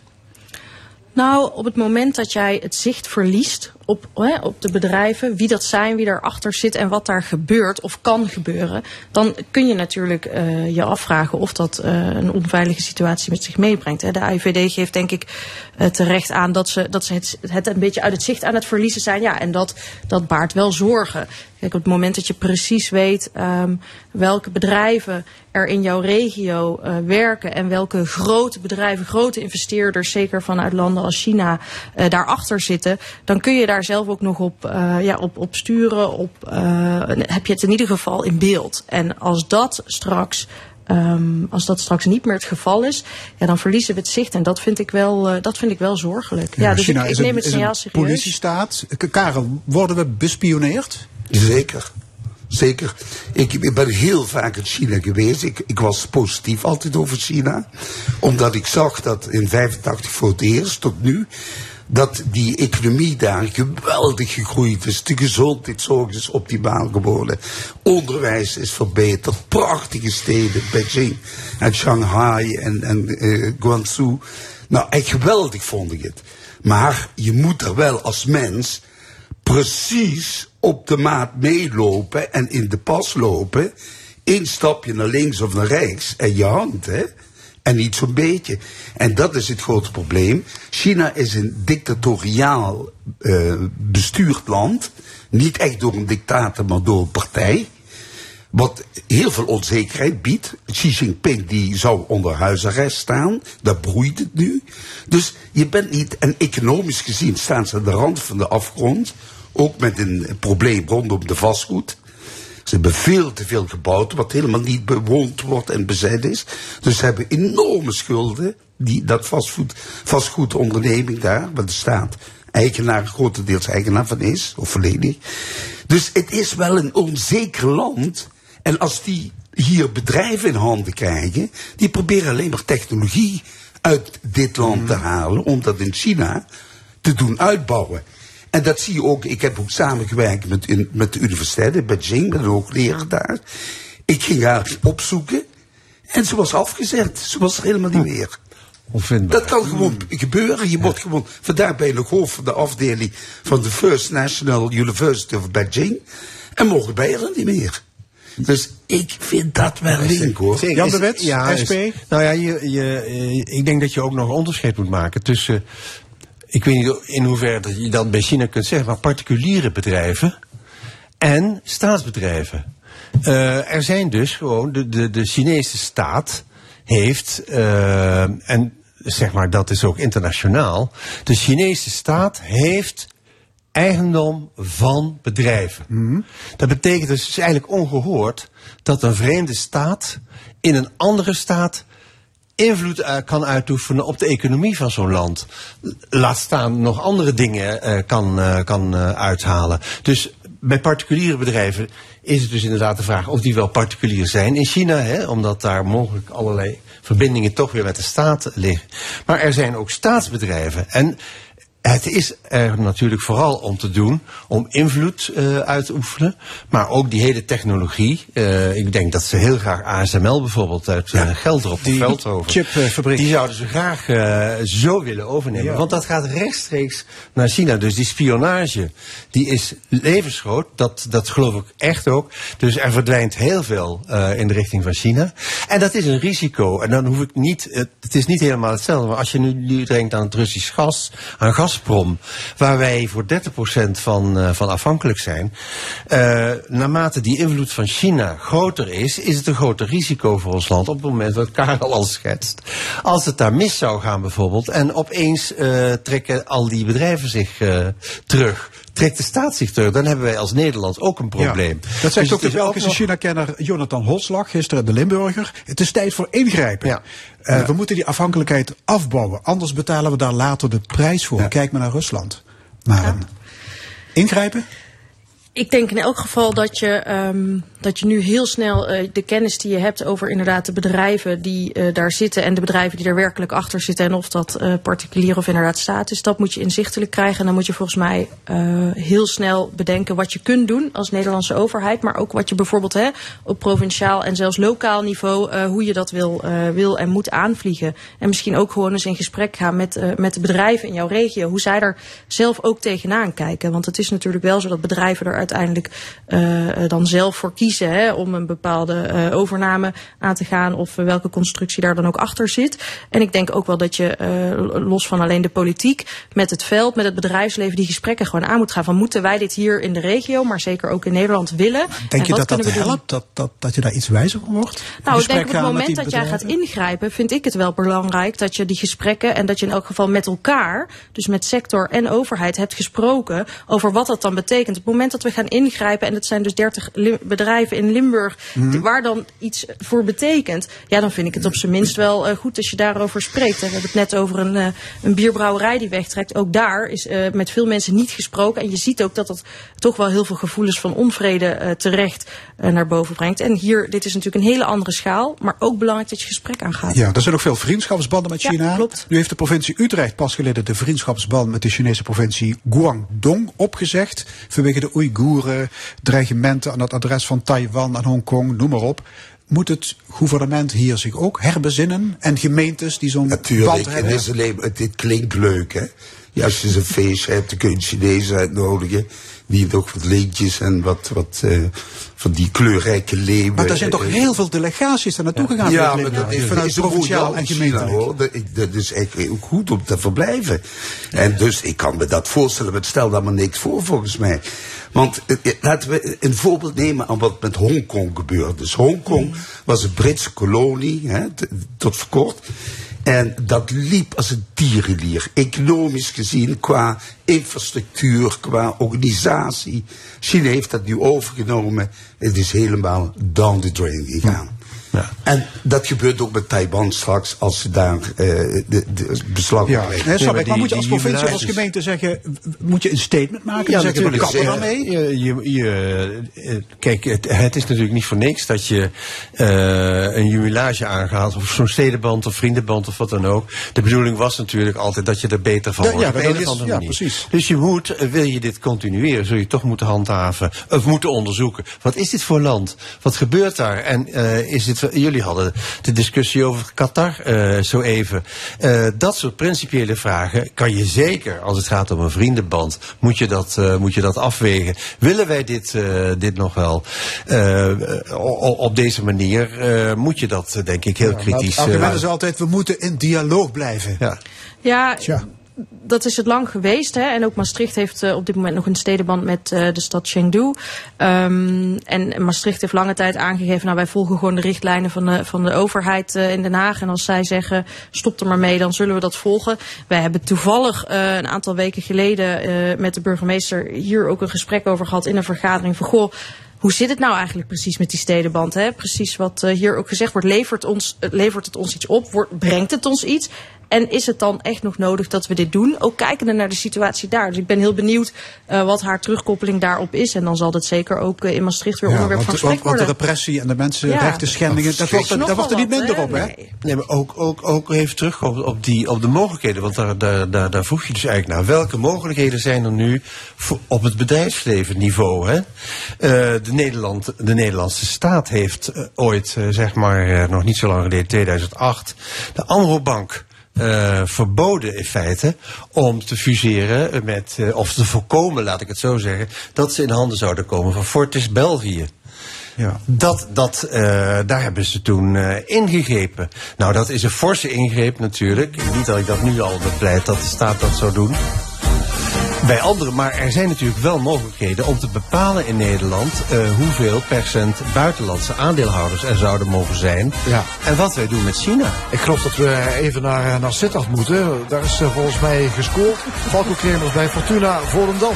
Ja, zeker weten is er gescoord. Inderdaad, gehoord het aan de muziek op de achtergrond. En de dinnen zich al aan, want Fortuna is de hele eerste helft. Die is 32 minuten en een beetje oud. De betere ploeg. En het is een prachtig doelpunt van de man die zijn basisdebuut maakt. De Portugees Omaro Mbalo. Het begint met een vrije trap van Cox aan de linkerkant. Hij werd afgeslagen.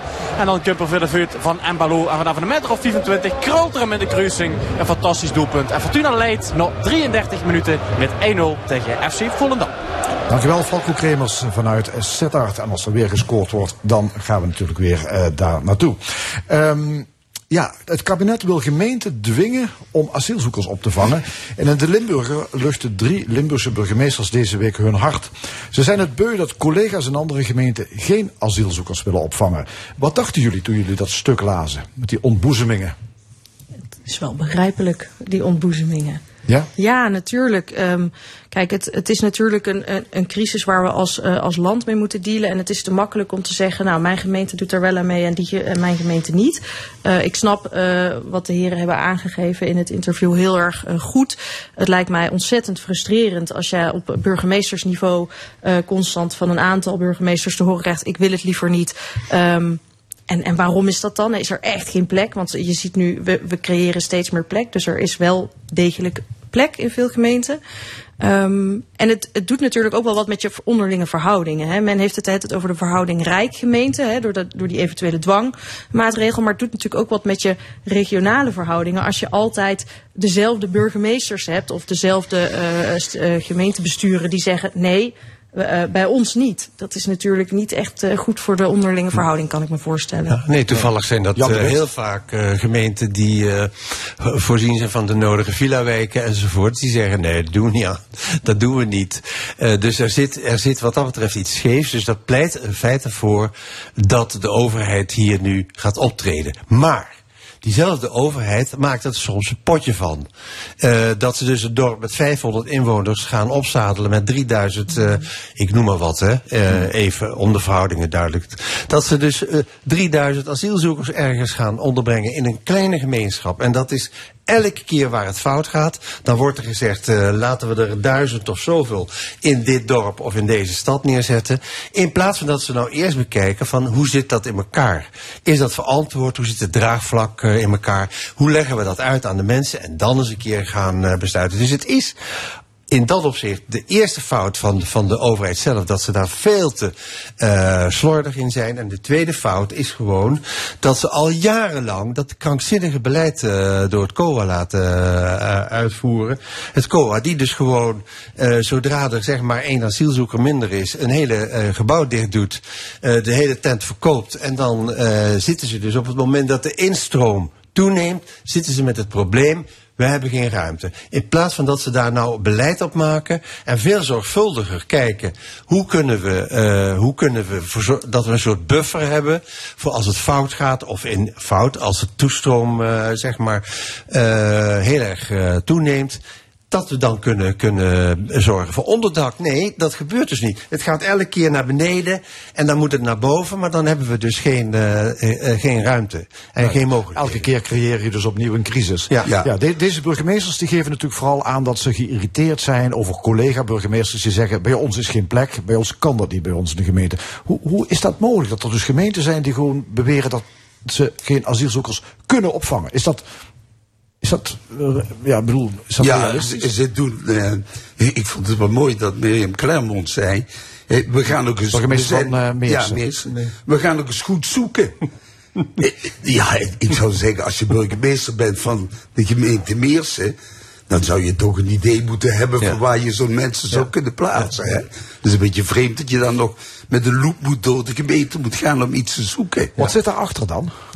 Daar zit er een beetje iets in van afhouden, hè, denk ik toch. Maar ik ben het wel met Jan eens dat er ook wel een heel groot probleem bij de overheid ligt. Niet alleen de overheid hier in het land, maar ook Europees. Europees komt men niet tot een bepaalde afspraak van hoeveel vangen we nou per land op. Dan gaat het over het aantal inwoners, dan gaat het over de mogelijkheden. En zodat je ook een continue instroom krijgt. En niet één keer sky high en dan krijg je weer een, een, een, een daling in het aantal.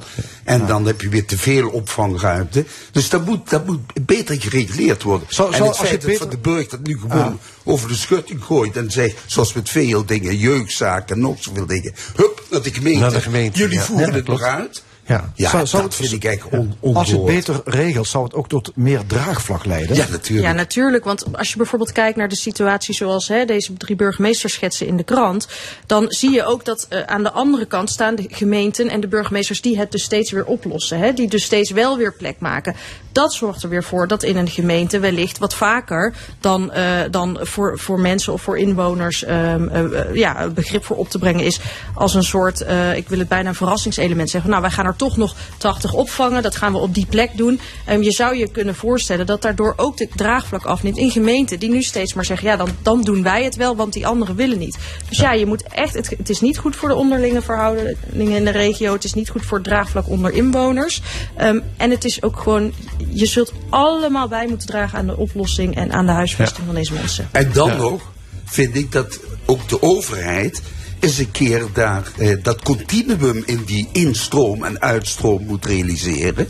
Dat ze veel sneller die mensen die hier niet thuis horen, dat die gewoon weer terug naar hun eigen land gaan. Marokko heeft wat dat betreft het goede voorbeeld eh, gegeven. Hartelijk dank, discussiepanel. Vandaag met Marit Slangen, Karel Leunissen en Jan de Wit. Dank jullie wel. En dit was de stemming vandaag gemaakt door Edwin Maas, Fons Geraas en Frank Ruber. Graag tot volgende week zondag, dan weer om 11 uur. Ja, en dit programma wordt herhaald maandagavond om 8 uur en is ook na te luisteren op onze website l1.nl. Zometeen op deze zender Sport en Co met het vervolg van Fortuna Volendam. Tussenstand 1-0. Limburg, opgelet! Volg jij de beste hobbybakker van Limburg? De Henk Bakt Bakwedstrijd. De Henk Bakt Bakwedstrijd. Meld je aan via l1.nl slash Henk Bakt. Pakket van Nanneseer. Abrikozen. Rabarber. Kiesje. Kreumelen. Kwasjelen. Roemenvlaai. Riesvlaai natuurlijk. Neem het maar allemaal op. Dot met, want bakken is leuk.